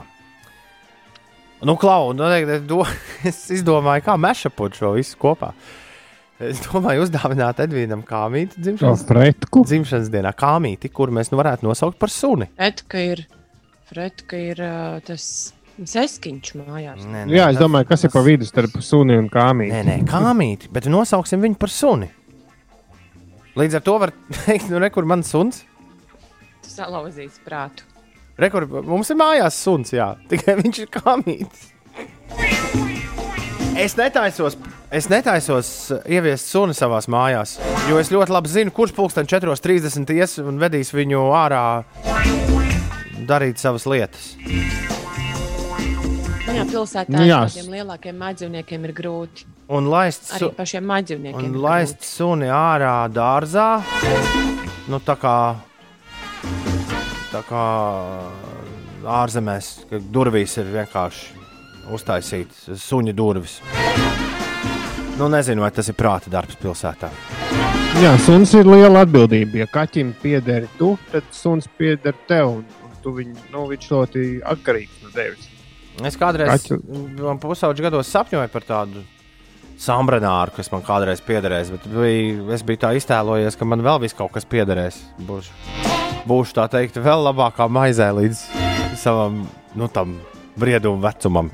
Ticis, bet no acīm redzot, vēl, vēl tas nav īstais laiks. Man bija doma Ines, par sambranāru, kurš sauc Bon Jovi. Man liekas, bērniem tāds arī ļoti labi varētu patikt. Vērts labs. nevar no tā. Uh, Zini, kā nevar no tā B burta, domājot par sambranāriem, nekādā veidā aizbēgt. Bet, nu, jā. Uh, Nu, tādas man te pārdomas jau no vecāka rītā. Man šķiet, ka es. Bet to kāmīti, tā kā Edvīns, ja viņam pašam tas tā baigi neinteresē. Nē, viņam interesē. Viņš, nu, ir, ir tāda sajūta, ka viņš ļoti priecātos par kādu dzīvnieciņu. Nu, jebkurā gadījumā viņam supervaroņu rotaļlietas ir gana. Nu, tā, Nē, tās viņam vēl neva, visādi. nevajag jaunas. Es tā arī neesmu sapratis, kas, ir, kas tas ir par uh, kustoni, kas Renāram Kauperam Instagramā dzīvo. Kas tā ir par lielu žurku? Jo jūras tūciņa tā nav. Tas ir kaut kas vēl interesantāks. Es varu pajautāt Renāram, mēs varam pie šī atgriezties. Bet es Jā, laikam, te... man tikai Grēviņš teica, ka es par būru samaksāšu dārgāk nekā par kāmīti. U, jā, un tad tur var pirkt vēl vis kaut kādas Bet... lietas. Bet man vienmēr liekas, ka kāmiešiem ir ar personību tā pašvaka. Tas kaupera Viņiem zvērs, tas ir tāds, kas Nekā. vismaz, nu, Es pajautāšu Renāram, kas viņam ir. Jā, Jā. varbūt ir bērniņi un tā. ar savu es. Jā. Kaut kad jau, ne, droši vien septembrī Renārs atkal atgriezīsies mūsu klausītāju vidū. Tā jau šobrīd būtu atrakstījis, bet noteikti tagad čuč. Septiņi. Jā, būtu suns, būtu jāudārā. Vai ne? 7,35. Šis bija Jauno vecāku rīts. Doja Cat. Say so. Pirms tam Ansis un uh, DJs Monsta. Bez 20 minūtēm 8. Trešdiena, 17. jūnijas. Ar tevi kopā Latvijas Rādio 5. 5 LV. Pinky, pinky, pinky, pinky, pinky, winky, winky, winky. Tā, 17. jūnijas. Jā. Ja jau 17. tad 17. Tad tas nozīmē, ka mums tagad būs. Top 10. Es to redzu datumos, sarēķināju, ka būs. Nu, kas tagad būs top 10? Es nespēju Top 10. izse- izsekot līdzi. Nu, ņemam to, kas jau šorīt ir runāts par skopais maksā divreiz. Es pat teiktu, četreiz. Es esmu divreiz nopircis vienas Japāņu kompānijas lētāko Blu-ray aparātu, kurš man ir saplīsis. Domājat, ka es zinu, kur es nobāzu tos garantijas talonus? Ha! Nu, tas par lētajām mantām. Jā, es tūlīt Jā. pirkšu otro nākamo motociklu pārvalku, kurš lētais izrādījās tikai uz mēnesi. Un par uh, televizoru aizsargu stikliem tur man būs atsevišķs stāsts. Bet, nu, par to parunāsim tiešām kādā citā reizē. Un pirmā dzīves, piedod, Ines, es, pār, es jā, pabeigšu ātri. Pirmā lielā dzīves skola man, man pienāca pat kaut kad 11 gadu vecumā, kad es reiz nopirku Vācijā pats uz savu galvu kaut kādus sporta apavus. Rīktīgi palēto likās toreiz. Nu, tad vēl mums nebija tāda pieredze šeit, kas ir labs un kas nav labs. Likās tik smuki un tik lēti. Aha. Man liekas, pat knapi līdz mājām tiku un jau sāka plīst kopā. Un tie nebija tie, kas bērniem paredzētie. Ir tādi stāsti par latviešu mūziķiem, kas Amerikā sapirkās ļoti lētus uzvalkus, bet tie izrādījās veikals Šis šis stāsts gan ir stāstīts šajā pārējā. Noteikti, jā. Bet tā, sko, nu šā, Ines, tev arī bija kaut kas sakāms. Man, nē, man īsti nenāk nekas nopietns prātā, kur es esmu divas reizes eh, kaut ko iegādājusies. Nu, vienīgi, jā, es mēdzu pirkt lētas saules brilles, jo es tās arī diezgan bieži saskrāpēju, vai pazaudēju, vai saplēšu, bet tas laikam neskaitās šoreiz. Kāpēc ne? Jā, man, man nopietna stāsta nav, bet uh, pilnīgi noteikti kaut kādos sīkumos es esmu nožmogojusies ar naudu un beig beigās samaksājusi vairāk nekā Bet vajadzēja. tic man, ja tu nopirktu, piemēram, nu, tās slavenās dārgās brilles, visticamāk, tev nelūst viņām kājiņu nost. Jā, tās Tik parasti bieži kā 5 eiro. naktī atstāja vecrīgā Jā, jā. kopā ar Somu. Jā, nu vai arī vasarā kādā ballē. Es savus vienīgās Jā. atstāju tur. Jā. Nu, tālāk, mēs 2, 9, 3, 1, 2, 0, 2, 0. Mēs vēlamies dzirdēt un uztaisīt uh, top 10 no tā, uh, kā jūsu dzīvē ir sanācis. Kad skopais maksā divreiz. 2, 9, 3, 1, 2, 0, 2, 0. Kad tu esi maksājis divreiz? Ines, kas notiek? Astrēgumi ir sākušies. A7 posmā Kroksilas balāžas pagrieziens, 10 minūtes jāpavada Krustpils ielā posmā no Rencēna ielas līdz Granīta ielai jārēķinās ar 11 minūtēm. Nā, Neliela stāvēšana arī Čakā ielā posmā no Matīs ielas līdz Tallinas ielai, un citās ierastajās sastrēguma vietās gan satiksme rit raiti. Ierastais sastrēgums uz A8 posmā no Dalbas līdz Jaunolainē braucot Rīgas virzienā arī ir vietā. Tur šobrīd jā, jārēķinās ar pusstundas eh, kavēšanos par laikapstākļiem šajā dienā. Šodien eh, Vides geoloģijas un meteoroloģijas centrs ir izsludinājis dzeltenā līmeņa brīdinājumu par karstumu.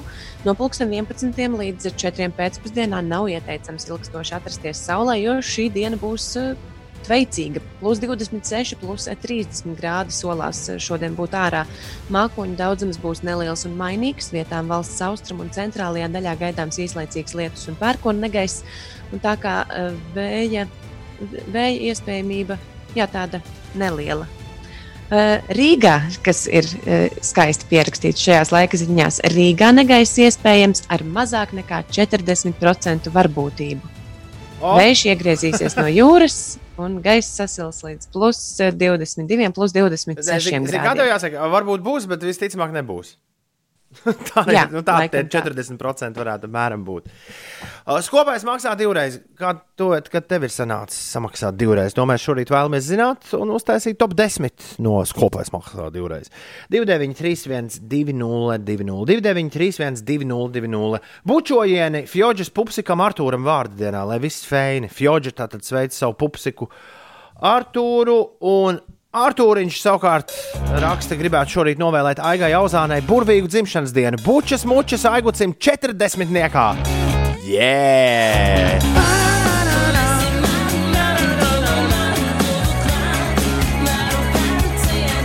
Kopais divreiz maksā. Es kopais maksā divreiz. Tāds šorīt temats ā, mūsu top 10. 2931, 20, kad tu samaksāji divreiz. Un kāpēc? Vai varbūt pat trīs reizes, vai četras, vai piecas reizes, vai sešas reizes, vai septiņas reizes. Astronauts, esi man klāt. Ines, kamēr Ulas apkopo top 10, es tev gribu uzspēlēt savu viena no mīļākajām dziesmām, kas šobrīd ir piecēlā rotācijā. Viena no savām mīļākajām dziesmām. Ja? Bet tā ir ar potenciālu, ka tā var kļūt arī par tavu mīļāko dziesmu. Jo man es šķiet, esmu ieinteresēta. Jo man šķiet, lai arī mēs esam spēlējuši šo čāli arī iepriekš un sekojuši viņam, kopš viņš vispār parādījās pie mūzikas horizonta.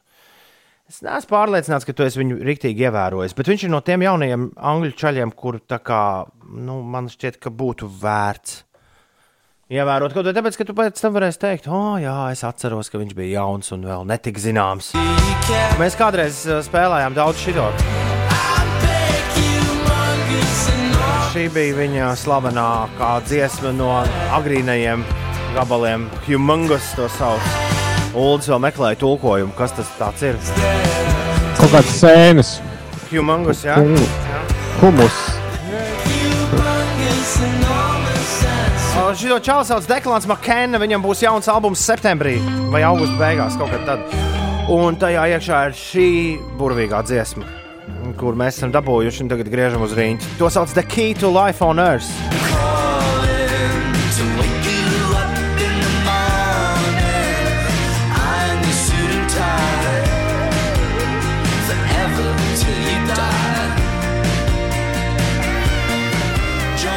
Kā tev patīk, Ines, Deklāns Makēna? Ir klausāms, es teikšu tā. Gūri raksta šī dziesma, dikti izklausās pēc karnevāla jūs. Pirms tu pateici autoru, es domāju, ka tie ir viņi. Zin, es vienā brīdī arī uh, aizdomājos par to, ka kaut kur liekas uh, dzirdēts jau šis. Tas kaut kam līdzīgs. Life on Earth. Forša dziesma. Deklāns Makēna ir bez piecām minūtēm astoņi, un mums uh, būs ar karnevālu jūs tūlīt plāpāšana pēc astoņiem. Bet pirms tam Top 10! skopais maksā divreiz. Šī rīta top desmitniekā. Jā, un uh, desmitnieku iesāka Čiriks. Viņš uh, raksta, ka uzlika mašīnai lētākus bremžu diskus, un pēc mēneša sāka vibrēt stūra, bremzējot pēc tam dabūju pirkt dārgākus, un viss kārtībā. 9. vietā Kailais Fūrists. Uh, kurš raksta par saules brillēm? Es piekrītu Inesē. Parādījās lieka nauda un izdomāja, ka varētu nopirkt dārgas, labas un glaunas saules brilles. Otrās dienas vakarā tā uzsēdās dzīvokļa biedra draudzene. Ah, nu šis nav gluži mūsu topā, bet, bet, bet topā tika iekļauts. Ai, Jo viņš redz, samaksāja vienreiz, bet tik un tā. Bet, nu, daudz, jā. jā. Astotajā vietā ir mežonieks. Par uh, kopais maksā divreiz. Viņš saka, šito atcerēšos laikam ilgi. Aizbraucu uz būvmateriālu veikalu, lai nopirktu plasmasas savilcējus. Un skatos, tajā plauktā ir visādi no lētiem līdz dārgiem. Nu, tad es sāku domāt, ar ko gan viņi var atšķirties. Parasti plasmasa draņķīši ar vienu darbu. Tad nu, paņēmu lētākos. Pēc kāda laika uh, galīgi nekurienē vajadzēja viņus izmantot. Un tiklīdz viņus saliec, viņi pārlūst. Vienkārši nelokās. Uh, tad bija liels pārdoms par to, ka kaut kur cilvēki viņus ražo, transportē un nekam nederīgi. Ja patiesībā ir. Mai. Septītajā vietā Ieva. Ieva rakstīja, saskaitīt visas lētās audio austiņas, ko esmu iegādājusies, meklējot normālas. Jau sērkā varēja iegādāties dārgās, bet jēdzīgās. Bet esmu skopa un maksāju piecreiz. Bet Ieva tic man arī ar dārgajām. Mēdz būt visādi brīnumi. Mums ir kāds anonīms klausītājs. Pasūtīju detaļu automašīnai no eBay ar cerību lētāk - 70 eiro. Beigās tā bija brāķēta, nokāva auto visu elektroniku, un beigās pirku Latvijā oriģinālo un mainīju visu elektroniku un samaksāju par šo prieku trīs reizes vairāk nekā vajadzētu. Ai! Laumai piektā vieta. Lauma raksta, studentu gados nauda bija tik, cik nu bija. Ar draugiem no kojām atradām īres dzīvokli. Viss labi, bet dzīvoklī nebija leduskapja. Izdomājām uh, šmesā, šmešmesā nopirkt lietot leduskapi par 50 latiem. Sarunājām, atveda viss smuki un labi. Pēc divām dienām leduskapis beidza savu mūžu. Nu bija jāprasa vecākiem palīdzību, un pirkām jaunu, četras dārgāku. Un zinu, ka šobrīd pēc septiņiem gadiem leduskapis vēl labi kalpo. Mācība visai dzīvei. Nepirkt lietotas un nepārbaudītas preces. Nu leduskapēs lietot ar nepirkt? Noteikti nekad. Ja nu kaut ko nepirkt, tad nepirkt. Ceturtajā vietā ir Kintīna. Viņa stāsta par kolēģi, kas ir aizgājusi pie vietējā zobu higienista, kas zobus skaisti iztīrīja un paziņoja, ka esot uh, problēma šķiet, ka lielākajā zobā. Un, un, uh, jā, viņas kolēģi izdomāja, ka ir jābrauc uz Rīgu pie speciālista, kur, protams, samaksāja trīs reizes vairāk nekā pie vietējā zobārsta. Vai trešajā vietā anonīms klausītājs, kurš raksta, es maksāju divreiz, vai varbūt 20 reizes. Tā ka nenopirku daudzkārt lietojamo masku, jo cerēju, ka vairs nevajadzēs likt. Tagad turpinu lietot daudzas vienreiz lietojamās un ceru, ka jūlijā vajadzības vairs nebūs. Tā kā no kļūdām nemācāmies. Ni un ni. Otrajā vietā ir Edijs. Labrīt, es senajos laikos slavenajā viļņas tirgu nopirku foršas krosenes, bet abas uz vienu kāju. Un pēc pusgada vēlreiz apmeklējot to pašu tirgu, izdevās atrast to pašu tirgotāju, kuram bija saglabājusies otra keda. Redz, beigas tomēr laimīgas. Nu, un uh, esi uzmanīgs, jo karma, karma tevi neatstās. Pirmajā vietā Elīna, kur raksta, labrīt. Es reiz nozagu draudzenei vienu rubli, un tāpat dienā man nozaga slēpes, kuru vērtība bija ap 100 rubļiem. Mācība visam mūžam. Vēl viena lieliska mācība tikko iesūtīja Nauris, kurš kojā sēdz nu, lētos makaronus. Taupības nolūkos, tagad kuņģim operācija. Pārmaksājis pāris simtus. Jā, kvalitatīvai pārtikai. Auč! Nu, Tomā arī palika ārpus desmitnieka. Viņš rakstīja, smējies vai raud, bet man pārāk bieži mēdz būt situācijas, kur dārgas mantiņas lūdz kā špickas, bet lētās bezskaunīgi ilgi kalpo. Top 10! Paldies visiem, kas piedalījās top desmitniekā. Paldies visiem, kas iesūtīja savus variantus. Uh, Karneval jūs! Mums ir uh, laiks, kamēr ziņas skanēs, saslēgties visiem kopā vienotā sarunā. Karneval jūs čaļi būs kopā ar mums jau pavisam, pavisam drīz. Ines, tu, tu tur esi kaut kur? Es esmu, jā, kāpēc lai es kaut kur nebūtu. Tāpēc, ka tu neesi pievienojusies uh, nu, balītei. Uldis gan ir tur nonācis. Oh. Mums bija, mums bija teorija, ka uh, tu neesi aizgājis uz Zoom chatiņu, kurā mēs tūlīt pat arī vizuāli mēs plāpāsim ar, ar karnevālu jūs, ka tu tur neesi aizgājis, tāpēc, ka tev jāpucējas speciāli ir. Bet uh, izklausās, ka tu vienkārši nebiji sapratusi domu. Es, uh, jā, es tūlīt mēģināšu pievienoties. Ļoti jauki. Ines tūlīt pat mums pievienosies, dāmas un kungi, meitenes un zēni. Jā, šajā rītā esam kopā saslēgti ar uh, Edgars un Robertu no grupas Carnivaljūs. Labrīt, vīri! Labrīt! Kur mēs esam saslēgti kopā? Vecajā labajā zūmā mēs esam saslēgti kopā. Bet tas skan par radio. Savukārt, viss tas ir dzirdams 5LV ēterā, un tūlīt būs dzirdams viss, ko mēs runāsim. Un, pirmkārt, Džeki, prieks jūs redzēt, kā jau visus uh, cilvēkus ārpus zūma nesmu redzējis kādu laiku. Un, Tas ir tāda lieta, jā. Un uh, jūs izceļaties ar to, ka šajā laikā jūs nesat ne mirkli, man ir tāda sajūta, ar rokām klēpī sēdējuši. Pastāstiet, uh, nu jā, uzzīmējiet, varbūt, uh, kur jūs bijāt marta sākumā, kādi jums bija plāni un uh, kas ar tiem plāniem notika. Mēs ļoti ātri mobilizējām mūsu spēkus brīdī, kad izziņoja šo situāciju, kad vēl neko nezināja, cik ilgi kas un kā varētu notikt. Un tad mēs uh, nu, novācāmies visi kopā, devāmies uh, prom no Rīgas un, un pasludinājām sevi par vienu mājsaimniecību lielu. Uh, un, principā, izolējāmies tā, ka mēs uz veikalu braucām reizes divās nedēļās un, un strādājām. Un tad mums, tas bija labs iemesls un labs brīdis, kad pievērsties kino mūzikas programmai, kas ir diezgan apjomīgs darbs, iziet cauri gan filmām, gan. Nu, Pagaid, gan, bet, bet jūs taču bijāt to jau, nu, ta, ta, ta, tas kaut kādā darba plānā bija ielikts, jo, ja nemaldos, pirmo reizi par kino mūziku un jūsu īpašajām attiecībām ar latviešu kinofilmu mūziku mēs uzzinājām gada balvā, vai ne februārī?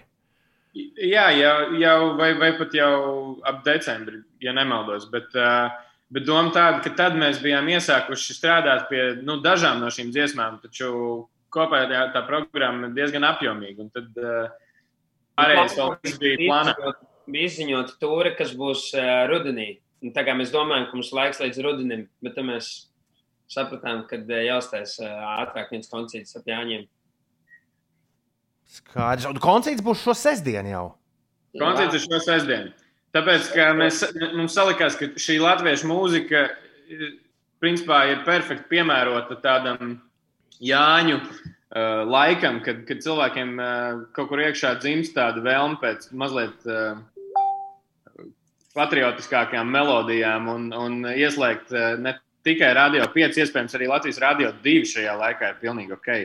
Un, uh, Jā, jā. Un, uh, E, nu, Un, un, lai tas viss būtu kaut kādā mazliet jaunās skaņās, mēs piedāvājam uh, foršākās Kalniņa un uh, Paula dziesmas uh, jaunās oranžijās. Un, un, un... Bet, bet tas nav uh, viss, ko mēs izdarījām. Kad sākās, tad uh, mēs uh, ierakstījām kopā, mēs iztulkojām, ne, neiztulkojām, tikai iedziedājām mumitroļu dziesmu un aranžējām savā skanējumā, kas saucās Vasara bez internetiem. Mēs ierakstījām paši dzeguzes balsi, kas bija pirmais singls un vēstnesis no kino mūzikas. Un vēl mēs uh, bijām ļoti tuvu vienai leģendārai grupai Bubble Boys. Viņiem bija liels sēklis. Jā, jā. Pirmā, Mums te jau no vecāka rītā skanēja tādi. Pirmā, pirmā visuma roku grupa. Mm. Klau, bet um, es biju palaidis garām. Es tagad nu pat apstājos Spotify. Es vasaru bez internetiem biju rīktīgi palaidis garām. Uh, kā tas tā var būt? Uldi, tad mēs izdarījām vairāk nekā tev likās.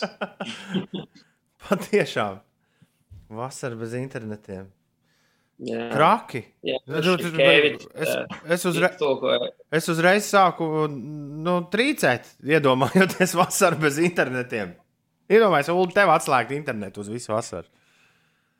Būtu. Dziesma ir pagājušā gada Mumija-Troļa principā lielais hits, un tad viņi mums piedāvāja jā, viņu lokalizēt vietējiem jauniešiem un publikai. Un tad, uh, tas veids, kā mēs to darījām, ir, ka mēs to dziesmu pielāgojam tādam mūsu skanējumam, pārspēlējot lielāko daļu no tā, kas tur ir. Un, un, uh, jā, tā sajūta, sajūta ka, ka vasara bez internetiem ir pilnīgi ok.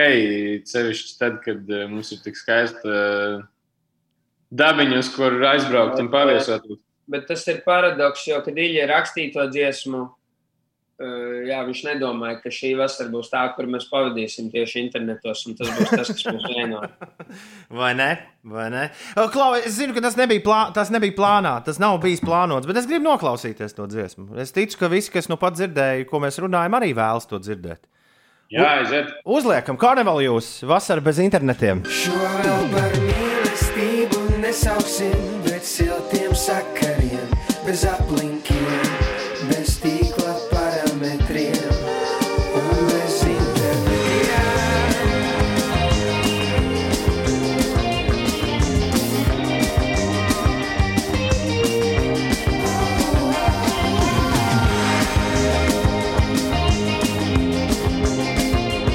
Tāda neticami bezrūpīga izklausās vasara bez internetiem. Karnevālu jūs! Mumija troļi! Karnevālu jūs mērcē! Šipkēvits tekstiņš. Šipkēvits tekstīns, forši! Pilnīgi viņš arī, es pilnīgi iedomājos, ka viņš vienā brīdī iedziedātos. Viņš varētu tur iedziedāties, un tas arī skanētu ļoti forši. Un beidz eksperimentēt. Ar Es paklausījos, vai mēs jau esam ēterā. Karnevāli jūs ir uh, pie mums ciemos. Uh, virtuālajā randiņā šajā rītā. Nu, pat mēs dzirdējām viņu versiju par mumiju troļu skaņdarbu vasarā bez internetiem. Roberts un Edgars konkrēti ir uh, kopā ar mums. O, Labrīt. labrīt, labrīt, labrīt. Jā, bet uh, kamēr mēs šīs dziesmas laikā Ulas mēģināja saprast, kur tad ir uh, bijusi, kā tas tā var būt, ka es pirmo reizi dzirdēju vasaru bez internetiem. Uh, Ziniet, Džek, šajā pandēmijas laikā viss kaut kas ir noticis uh, tāds, kā normālos laikapstākļos nenotiek. Bet kas ir, kas ir būtiski šai dziesmai netuvu, nav bijuši tādi panākumi, kādi jau šobrīd ir dziesmai, kur mēs klausīsimies jau pavisam, pavisam drīz. Un, uh, jā, vai jūs pašus, e, tajā brīdī, kad es starp visiem ārzemju gabaliem Latvijas visstraumētāko dziesmu topā pēkšņi ieraudzīju diezgan augstā pozīcijā dzegūzes balsi, man bija tāds, ok, nu labi. Tad, kad uh, pavisam nesen uzstājoties uh, kādā uh, kādā autokoncertā man šķiet, cilvēki pieci palūdza uzlikt šo dziesmu, tieši jūsu versijā, tad es sapratu, ok, šis jau kļūst nopietni. Un, un man jau šķiet, ka tur, turpmāk uz visiem laikiem, savā ziņā šo menueti klasiku, Imants Kalniņa klasiku, jūs būsiet piesavinājušies uz nu, tādā savā, savā privātā īpašumā. Par cover versiju taisīšanu es gribēju runāt, jo Dzeguses balss ir uh, lieliska cover versija. Uh, ir vienkārši, nu, ļoti vienkārši paņemt vienkārši dziesmu un viņu iedziedāt. Bet uh, man šķiet, lieliskas cover versijas ir tās, kur to taisītāji ņem un šo dziesmu patiešām padara par savu. Un uh, šī dziesma izklausās absolūti tā, it kā tai būtu īstā vieta 2020. gadā. Pastāstiet, kā jūs, kā jūs nonācāt pie šī aranžējuma un vispār kā jūs, kā jūs pieejat šīm vecajām dziesmām, kā jūs saprotat, e, kur tagad dabūt kaut ko jaunu no tā visā ārā? Nu, tas nenāca viegli. Mēs ļoti ilgi īstenībā aranžī rakstījām dzegus balsī. Eh, mums palīdzēja Edvards Broders, kas arī miksēja, un tad mēs uh, sūtījām viens otram visu laiku apdeitiņus un, uh, un domājām, labākas versijas, dejojamākas versijas. Un, uh, ir ļoti šaura tā līnija, kurā cilvēkiem tas varētu izraisīt arī kaut kādu pretreakciju, ja mēs iesim pārāk eksperimentālā virzienā. Un tad mēs uh, meklējam to vidusceļu.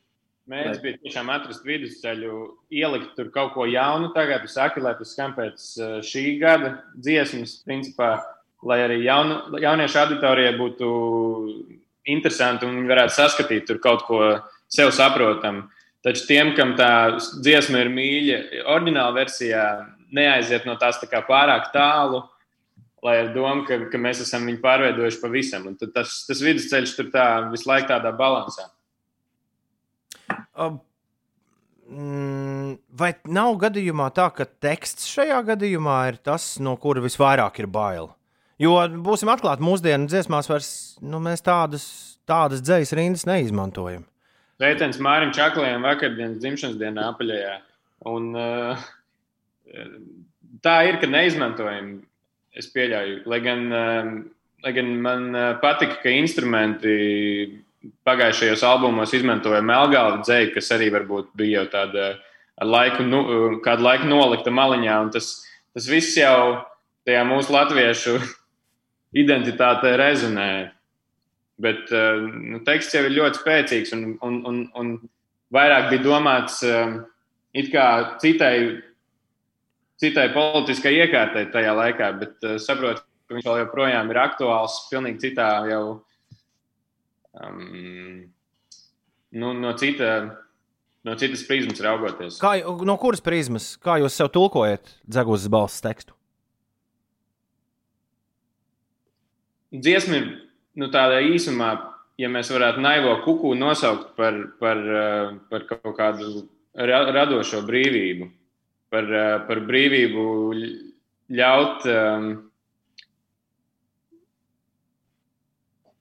Tagad ir tāda gara pauze.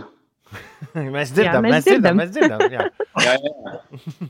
Principā tajā pauzē katram ir jāieliek to, kas viņam, ko, ko viņam nozīmē šis naivais kuku. Un, uh, tur vajadzētu iet secīgi dziesmai cauri, noklausīties un, uh, un, un pie tiem punktiem arī piet, pieturēties. Mēģinām Ulds šodien atzina, ka viņš neklausās dziesmas, dziesmu tekstus. Mēģinam šoreiz visi, kas uh, šobrīd stāv uz A8, vai kas nu pat ir pamodušies un savā virtuvē ieslēguši piecus rītus, vai arī klausās šo podkāstā kaut kad trijos dienā. Uz mirkli apstājamies. Podkāstā gan es nevarēšu uzlikt dziesmu. Tur jums ir jānopauzē, un tad jāuzliek, uh, jā, ir dziesma, un tad jānāk pie mums apakaļ. Bet uh, reiz pa reizēm apstājamies un noklausāmies dziesmu un ieklausāmies tekstā. Karnevāla jūs, dzegūzes balss.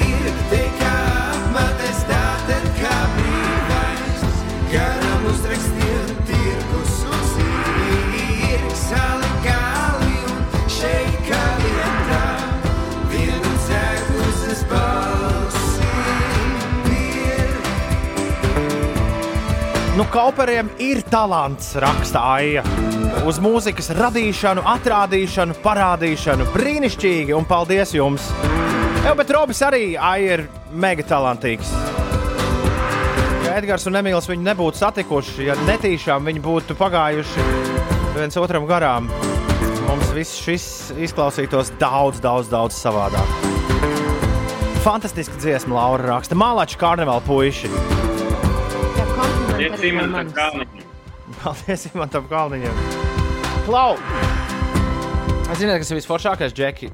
Tik vienkārši bija šo sačakarēt. Nu, tā kā es višķi tajā brīdī, kad es februārī uzzināju, ka jūs ķersieties klāt uh, ikoniskajām kino dziesmām, man likās, "Pf, tiešām, tiešām viņiem tas ir jādara. Un, uh, un, un ir milzīgs prieks, ka ir sanācis tā, kā ir sanācis. Bet šis ir tikai un vienīgi sākums, jo jums ir vesela, vesela liela programma. Na, Varbūt uh, paberiet pupas ārā, pastāstiet mums, uh, tā. kas tur vēl uh, ir. Es, mēs sestdien daudz ko dzirdēsim. Jūsu Nu, Tātad vēlreiz, jau sestdien, Jā. 20. jūnijas, online koncerts ir pieejams 9. Būs, uh, viņš būs tiešraidē no deviņiem. Viņš būs tiešraidē. Okay. Klātienē tur biļets jau ir izpirkts, bet klātienē mēs pielikām vēl vienu koncertu sešos. Tā kā vēl var iet, paspēt aizbraukt līdz liepājai un no, Pare, noklausīties. pareizāk sakot, soundcheck, uz soundcheck arī izdomājāt biļetes. Jā, jā. Ģenerāli mēģinājums, principā. Pagaid, tad, Un, se, uz sešiem biļetes vēl ir. Ja? Jā, jā. Tā, mēs izpildīsim mūziku jo, no, ja nemaldos, 12 kinofilmām. Uhu. Uh, Dāvana vientuļai sievietei jau iepriekš minētie četri balti krēkli, kur uh, dziesmas, kā viņi dejoja vienu vasaru, es esmu bagāts un tā tālāk.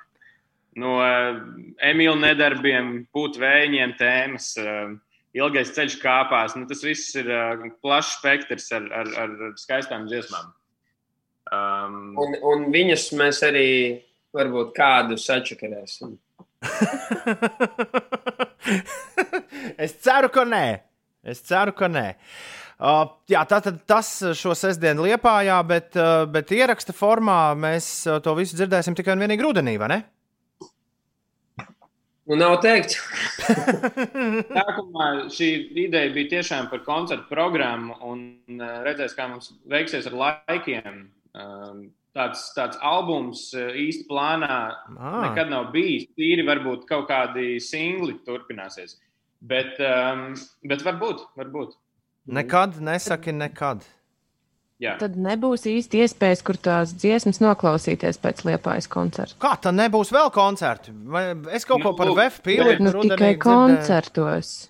Pēc liepājas koncerta um, būs tāda iespēja, ka, i- ja kāds izvēlas pirkt online, ja tiešraides biļeti, ir iespēja nopirkt tādu, kas darbosies visu Jāņu laiku, proti, ja nemaldos, piecas dienas. Um, Un, uh, un tas ir labs veids, kā, kā pavadīt Jāņus uh, tādā Tas ir screen recording koncim un Ielikt YouTube pa kluso.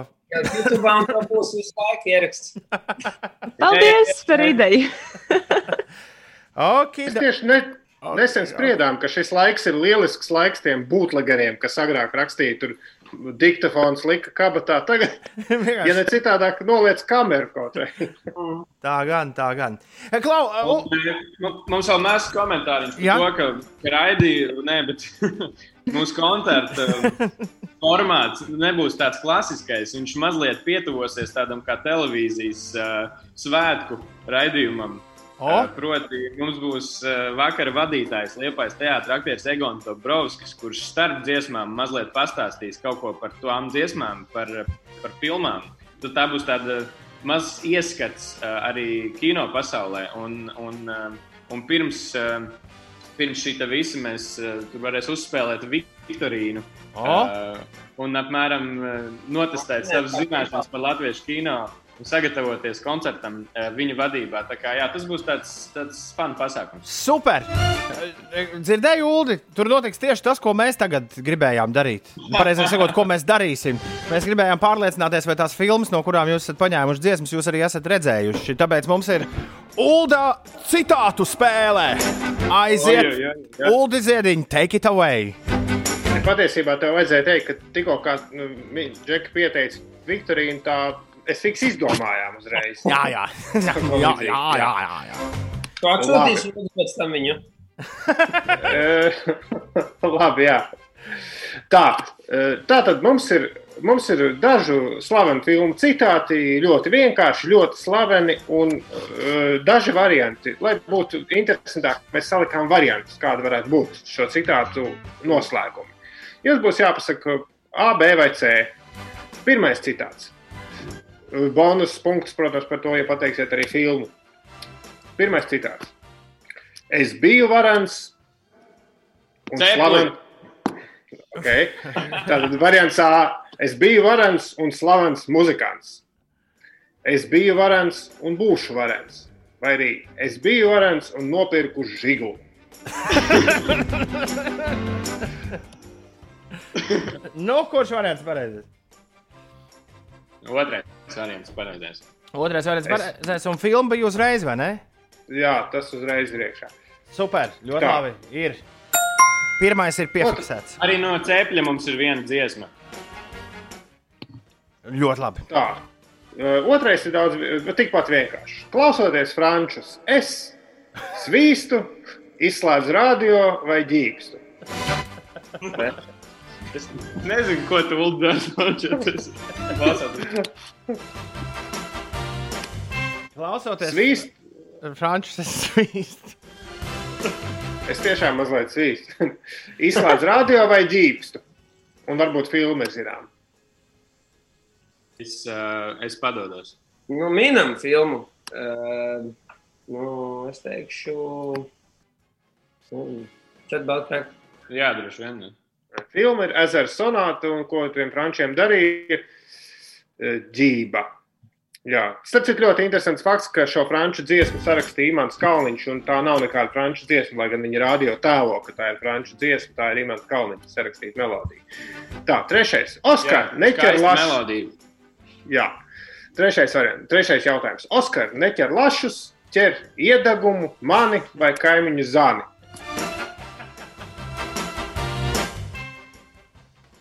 Mani. Tā bailīgi, bet pareizi ir. Un filma? Makšķernieku piedzīvojumu Latgalē. Ļoti tuvu. Ļoti tuvu. Tēvs nāk? Nē? Zvejnieka, zvejnieka dēls. Zvejnieka dēls. Jā. Jā, nu, Vils Lācis, vai ne? Jā. Pie, pie, pie tās mēs nepieķērāmies. Vismaz, vismaz lācis ir. Un, uh, jā. Tā, Par lai to- gan mums Zooms tikko pateica, ka mēs varam runāt neierobežot laiku. Mums tomēr ir jāslēdz lēnām, lēnām Jā, šitā bet vēl, di, vēl, vēl ātri divi varianti. Pamērīsimies ar gudrībām, zeltu vai gailīšiem. Wow. Tas varētu būt Boņukā, kur viņi mērījās ar kaut ko. Ar kaut ko? Vai, vai konkrēti? Ar... Vai ar zeltu? Vai kam ar gailīšiem mērījās? Din, din, Tā ir pareizā Un pēd-! Tā, un pēdējais jautājums. Garāks citāts mazliet.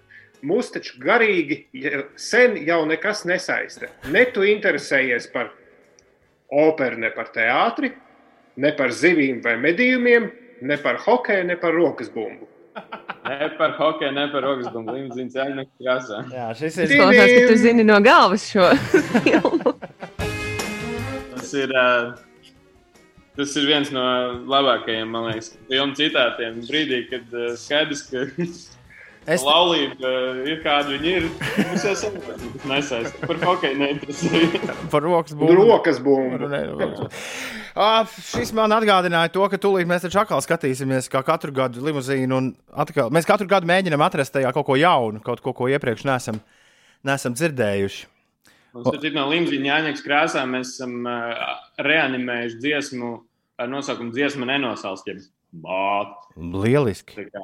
Tas arī ir uh, labs eksperiments. Bijis. Super. Kar Karnevāla jūs, Edgars un Roberts šajā rītā kopā ar mums. Vienīgā lieta, ko es neesmu vēl pateicis, kas man bija jāpasaka mūsu episkajā playlistē, Līgo bez Līgo, kur mēs te katru gadu dalām saviem klausītājiem un visiem pārējiem interesantiem, kurai eh, visticamāk šogad būs jau 3000 uh, sekotāju. Uh, šajā playlistē es esmu pievienojis Dzegūzes balsi pie tam ļoti augstā pozīcijā. Kā Jā. piekto vai sesto dziesmu. Tā, tā jums dāvana, ja, Čaļi? Par labu, Yes, par, paldies. par labu darbu, da, darbošanos. Un es jūtu, ka par to vasaru man ar tā dziesma būs kaut kur tajā playlistē jāiebaksta.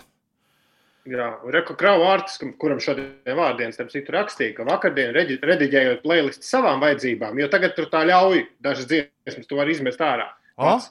Eh, Viņš esot ievērojis šo dziesmu, bet nenoklausoties īsti neieliku. Šodien pēc noklausīšanās salabošu un lieku iekšā. Labi, skan. Lai labi skan arī turpmāk, čaļi. Priecīgs svētks. Mm -hmm. Lai viss priecīgi un sveiciniet liepāju. Mums ar Ulu tur patīk. Nākamreiz klātienē. Ine- Inesai arī patīk. Viss, jā. uh, Ulu, tu bildes sataisīji, mēs esam safotografējušies. Nē, es ar kaķiem dejoju, bet man liekas, ka Roberts kaut ko filmēja. Mans, man, mans pēdējais. Elvis izklaidēja mūs ar kaķiem. Nopauzējam visi. Ulu uztaisīs kaut kādas bildes. Lai mēs te tā smuki izskatāmies, lai man ir podkāstā, ko pielikt klāt. Bet uh, noslēgumā, uh, čaļi, vēl viena dziesma vajadzētu no jums. Uh, nu, bija vasara bez internetiem, bija dzegūzes balss. 44 jūs, 44 jūsu skaņdarbi ir mūsu datubāzē. Ko man uzspēlēt, noslēdzoties šai jaukajai tikšanās reizei šajā rītā? Uzlikt varbūt dziesmu Pumpkin Pie, uh, tādu vasarīgu, uh, no pēdējā albuma Good Luck. Čirbju pīrāgs. pīrāgs. Kuram no jums tas garšo? Visiem. Visiem. Jā, bet ķir, ķirbju krēma zupas arī ir nesliktas. Tikai Mārtiņam sirmiem negaršo. Mm. Tiekamies 20. jūnijā tiešsaistes koncertā. Jej! Karnevāli jūs! Roberts, Edgars, čau! Čau! Karnevāli jūs! Karnevāli mēs! Un uh, Ivetē no ērgļiem Ulu liekas, ka visi citāti, kurus tu šorīt no karnevāļiem liki, ir no limuzīna Jāņa nakts krāsā. Bet tā vietā, lai strīdētos ar Ivetu, es izdomāju jaunu spēli, kas Ivetai rītīgi patiks. Nu, Iveta ir pārliecināta, ka es ģībstu no frančiem, saku jauniņa Diana Zanda filmā par limuzīnu. Nē, Z- Diana Zande saka, ka viņa ģībst. Viņa ģībst no Imanta Kalniņa. Klausies, klausies, klausies. klausies. Uh, jā, bet par tiem frančiem, ja, ja Ivetai liekas, ka Diana Zanda nu, no frančiem ģīpst, uh, tad Iveta atrodīja YouTube. Man liekas, ir vairāki pārfilmēti limuzīni no televizora. Atrod to minūti un sekundi un atsūta uldim. Vai man, man arī, jā, rīti at 5 LV uz e-pasta adresi. Mēs labprāt pastīsimies to vietu, kur tieši tas ir. Bet mēs zinām, ka tā nav. Bet, bet, tā, bet tā vietā, lai tu mēģinātu kādu pārliecināt, man liekas, šis ir labāk uzspēlēt šo rotaļu. Vismaz, vismaz bet es saprotu, par ko. Iveta runā. Iveta ir taisnība. Nu, jā, nu labi. Bet citāds taču bija klausoties frančus. Es ģībstu. Jā. Bet es ģībstu, saka arī Diana Zande. Tādā ziņā ir taisnība. Jā, Bet viņi ne no frančiem ģīpst. Jā viņa ģībst no Imanta Kalniņa. Kas arī, starp citu, ir interesanti, ka tas ir tas pats. Jo. Jā. Limuzīns ir ļoti labā kvalitātē, salīdzinoši. Man pārsprāgs smadzenes tūlīt ir. Jā, man liekas, ka Es, tas nav ne tuvu pārfilmēts. es sākstos. Pagaidi.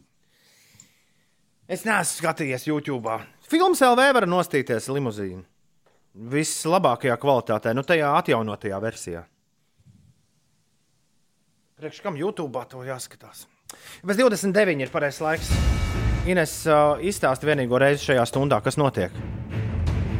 Ha, līdz piekdienai spēkā Latvijas vidas geoloģijas un meteoroloģijas centra dzeltenā līmeņa brīdinājums par karstumu jau šodien būs diezgan veicīgi. Plus 26, plus 30 grādi gaidām, kur zemes piekritē gaisa temperatūra vietām saglabāsies eh, zeme plus 20 grādiem, pūtīs lēns vējš. Mākoņu daudzums būs neliels un mainīgs. Galvaspilsētā ir um, nu, tāda diezgan uh, nopietna varbūtība, es varētu tā teikt. Uh, Negaisa iespējamībai, jā. Un uh, galvaspilsētā plus 22, plus 26 grādi. Bet tie, kas grib atveldzēties, uh, šajās uh, dienās jārēķinās, ka siltākais ūdens ir upēs un ezeros. Jūrā ir plus 10, plus 17 grādi. Vissiltākais ūdens ir lielupē, tur uh, plus 21 grāds. Un par Jāņa brīvdienām tuvākajās dienās Latvijā valdīs tveica līdz plus 31 grādam. Lielākais karstums eh, gaidāms Latvijā un Vidzemē. Katru dienu iespējams pērkona negaiss, vietām gaidāmi ļoti stipri nokrišņi. Caurmērā pūtīs lēns vējš, piekrastē bieži gaidāma jūras brīze un saskaņā ar pašreizējo globālo forecast sistēmu prognozi gan Līgo dienā, gan Jāņu dienā vietām līs un dārdēs pērkons un gaisa temperatūra būs plus 23, plus 27 grādi. Ew, nu šis nu gan ir kaut kas jauns. Jāņu naktī valsts lielākajā daļā šobrīd tiek prognozēts skaidrs laiks un lēns rietumu vējš. Jo Norvēģi rāda tikai laiks. Norvēģi tikai saulītas rāda. Bet tas ir vēl pēc nedēļas. Nu, ja, ja tā nopietni mēs runājam. Nu jā, Pēc nedēļas, nākamā trešdiena, šajā dienā vēl būs 24. datums. Uh, neticami. Gan drīz nedēļu garas brīvdienas mums būs. Gan drīz nedēļu garas brīvdienas mums būs. Tā. Tā, tā, tā. Tā, tā, tā, tā, tā, tā, tā, tā, tā. Mēs kaut ko nesam aizmirsuši. Ko? Mm, Varbūt, Nē, man liekas, ka šodienai pietiks. Varbūt interesantās ziņas vajadzēja kaut kādas. Nē, nē, nē. šodienai būs, būs labi. viss raidījums šodien bija interesants. Beidzam, jā? Jā, Jā, Labi. Paldies par apmēram deviņi jau ir. tā, tā jā. Tūlīt, baigi nā, daudz nav palicis līdz deviņiem. Jā. tūlīt nāks uh, Magnus, vai ne? Nē, es atvainojos. Arts Volfs. Nu, tu, principā, tūlīt jau Magnus. Gan arī diena ir cauri. Ātri gan paskrēja šodien. Uh, jā. Viss, kam bija jāpaskrien. Paldies, ka klausījāties šeit. Ar jums kopā bija Latvijas Rādio 5, 5 LV. Raidījums, kur joprojām sauc piecrīti. Mēs būsim apakaļ rīt. Atkal starp uh, 6 un 9. Kaut kādā brīdī jau ēterā būsim. Paldies, ka klausījāties! Atā!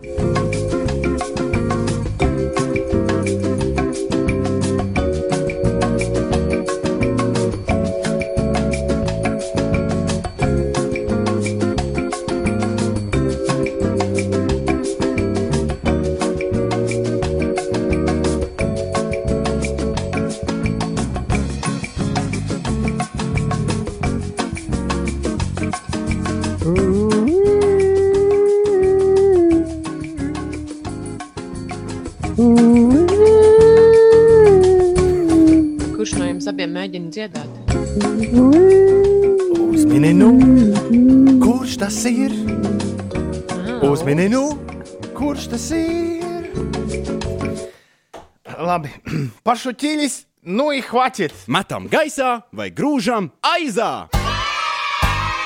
Interesantās mūzikas aptauja. Katru rītu apmēram pēc pusdeviņiem. Nav melots! Ir apmēram pēc pusdeviņiem, un tūdaļ pat mums var notikt vēsturiskais, iespējams, pēdējais pagrieziens gaisā vai aizā aptaujā. Priekšpēdējais spurta rīts, dāmas un kungi, un gaisā joprojām čurāšanas apdziedātājs. Muktiņš, pie bungām račiņš, bet, bet. Reiz kādā brīvdienā iegriezos es atejā, bikses atpogāju es,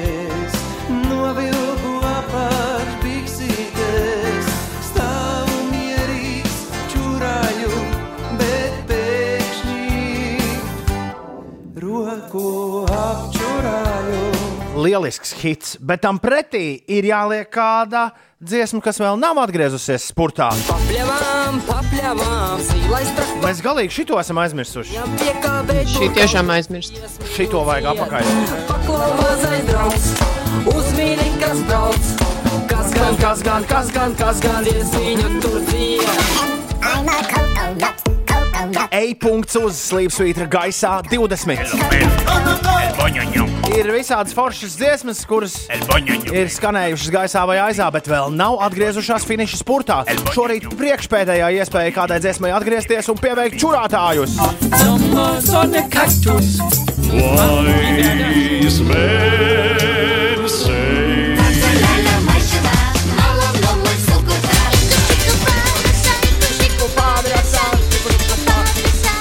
E-punkts uz gaisā 20.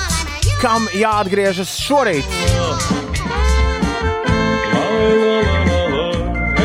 2931, 202, laiks kādam lemt gaisā vai aizā likteni. Arī būs, kad viss ir pagājis. Labrīt, radio. Halo! Čau, čau! Nu, kas tam mums zvana? Ingūns. Nevar būt, Ingūns. Kā tev? Var. Ingūram ir aparāts kaut kāds tur tāds speciāls, ar kuru radio var sazvanīt. Jā, jā, es visu māku. Tā visi domā. Nu, ko mēs spēlēsim šorīt? Es zinu, ka tev tā dziesma ļoti nepatīk. Nu, Tā ausīs, ļoti viņa ausīs skanēja. Man liekas, tas Ghostbusters bija tās smalkās skaņas. Nopietni. Nu, bet es domāju, ka čurāšana vajadzētu iet gaisā, jo es jau ķipā viņu arī atmetu atpakaļ. Bet tu saproti, ka tu viesturu izgāzīsi ārā no trijo līdz ar to. Nekas. Nu, tad viss Tā ir spēle. Jā, tā ir. Tā ir. Turpini vest savus zāles, Ingūns. Čau! Mēs tā tā. Tā, visi lūdzu uzmaniet ausis, ja? Un neskiet, ka nebrīdināju.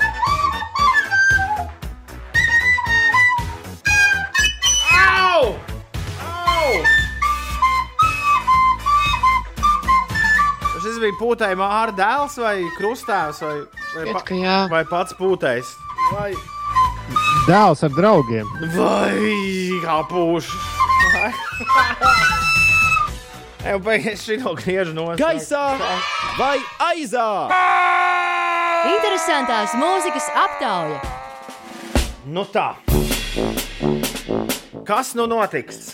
Čurāšana ieņems trešo vietu, pārliecinoši un izgrūdīs no tās viesturzu, jo kopā ar uh, nāko es no pazemes šobrīd uh, čurāšana ir trešajā vietā. Nē, nu, ba- bail iedomāties, ka vēl arī rīt būs jā, jāspēlē par radio. Tas tur grāvējs. Oh! Nu, 293, 120, 200. Ja sazvanīt radio, tad nemet klausuli nost. Tas tik vienkārši. Zvanšu un balso. Ko metam gaisā? Halo! Kas mums zvana? Pēteris. Nu, čau, Pēteri. Pēteri, vai jau darbā esi? Jā. Tad labi. Pēter, tu čakls. Pēter, Pēter ko metam? ko metam gaisā? Gaisā metam čurātājus. Ir tā, kā Pēters saka, tā arī notiek. Jā. Zem zvaigznes nelaimes, mēs, mēs, mēs, tas tāpēc viss kā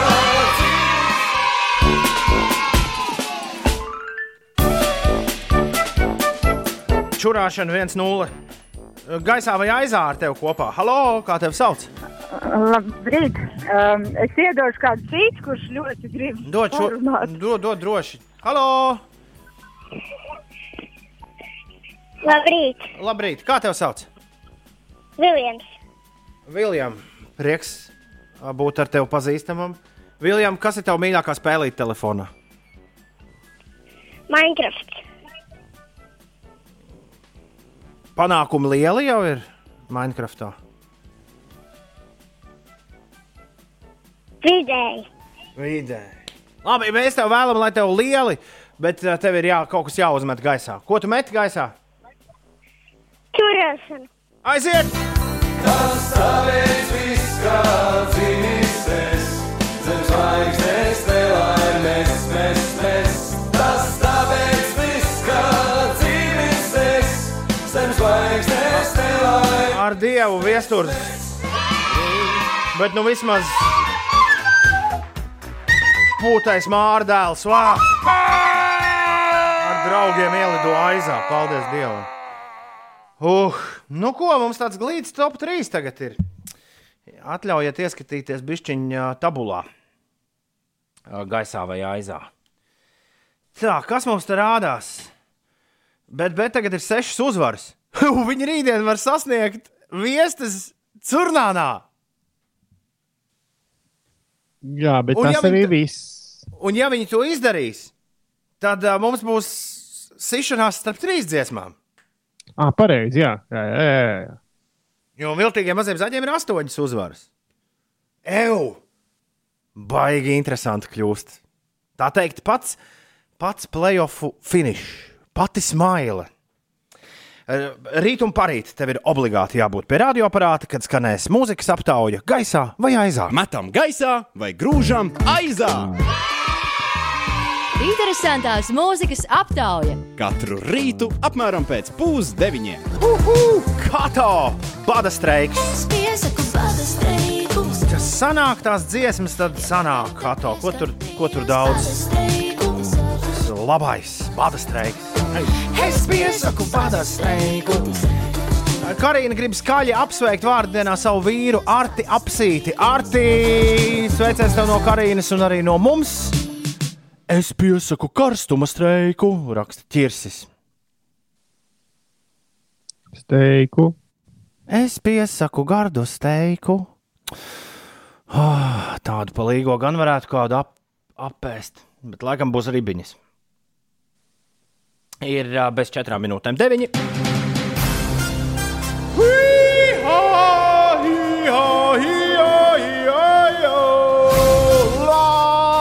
Labrīt, labrīt, labrīt, labrīt, labrīt, labrīt, labrīt, labrīt, labrīt, labrīt, labrīt, labrīt, labrīt, labrīt, labrīt. Interesantās ziņas. Urā! Sāk atgriezties seriāli. Precīzāk, pamazām parādās pirmās lakstīgales, kas uzsāk darbu pie jaunu sēriju filmēšanas, un pionieris šajā ziņā ir izrādījies ASV seriāls, ko labi pazīstam arī mēs. Ines uzmini, kurš seriāls atsāks filmēšanu tuvākajā laikā? Mums tuvs seriāls. Nezinu, mums tuvs seriāls. Kāds latviešu? Nē, nē, nē Holivudā. Nē. Holivudā. Tur tālākajā Holivudā. Oh, Kaut kas leģendārs. seks un lielpilsēta. Nē, kaut kas, Lai kas nekad tas nav liekas, ka bijis. nav nekad nav bijis noņemts. Trīs, četri. Kameleona rotaļas? Yes, yes! Ah, Jaunā tā. tēmas versija, starp citu, no Tā. 18. gada.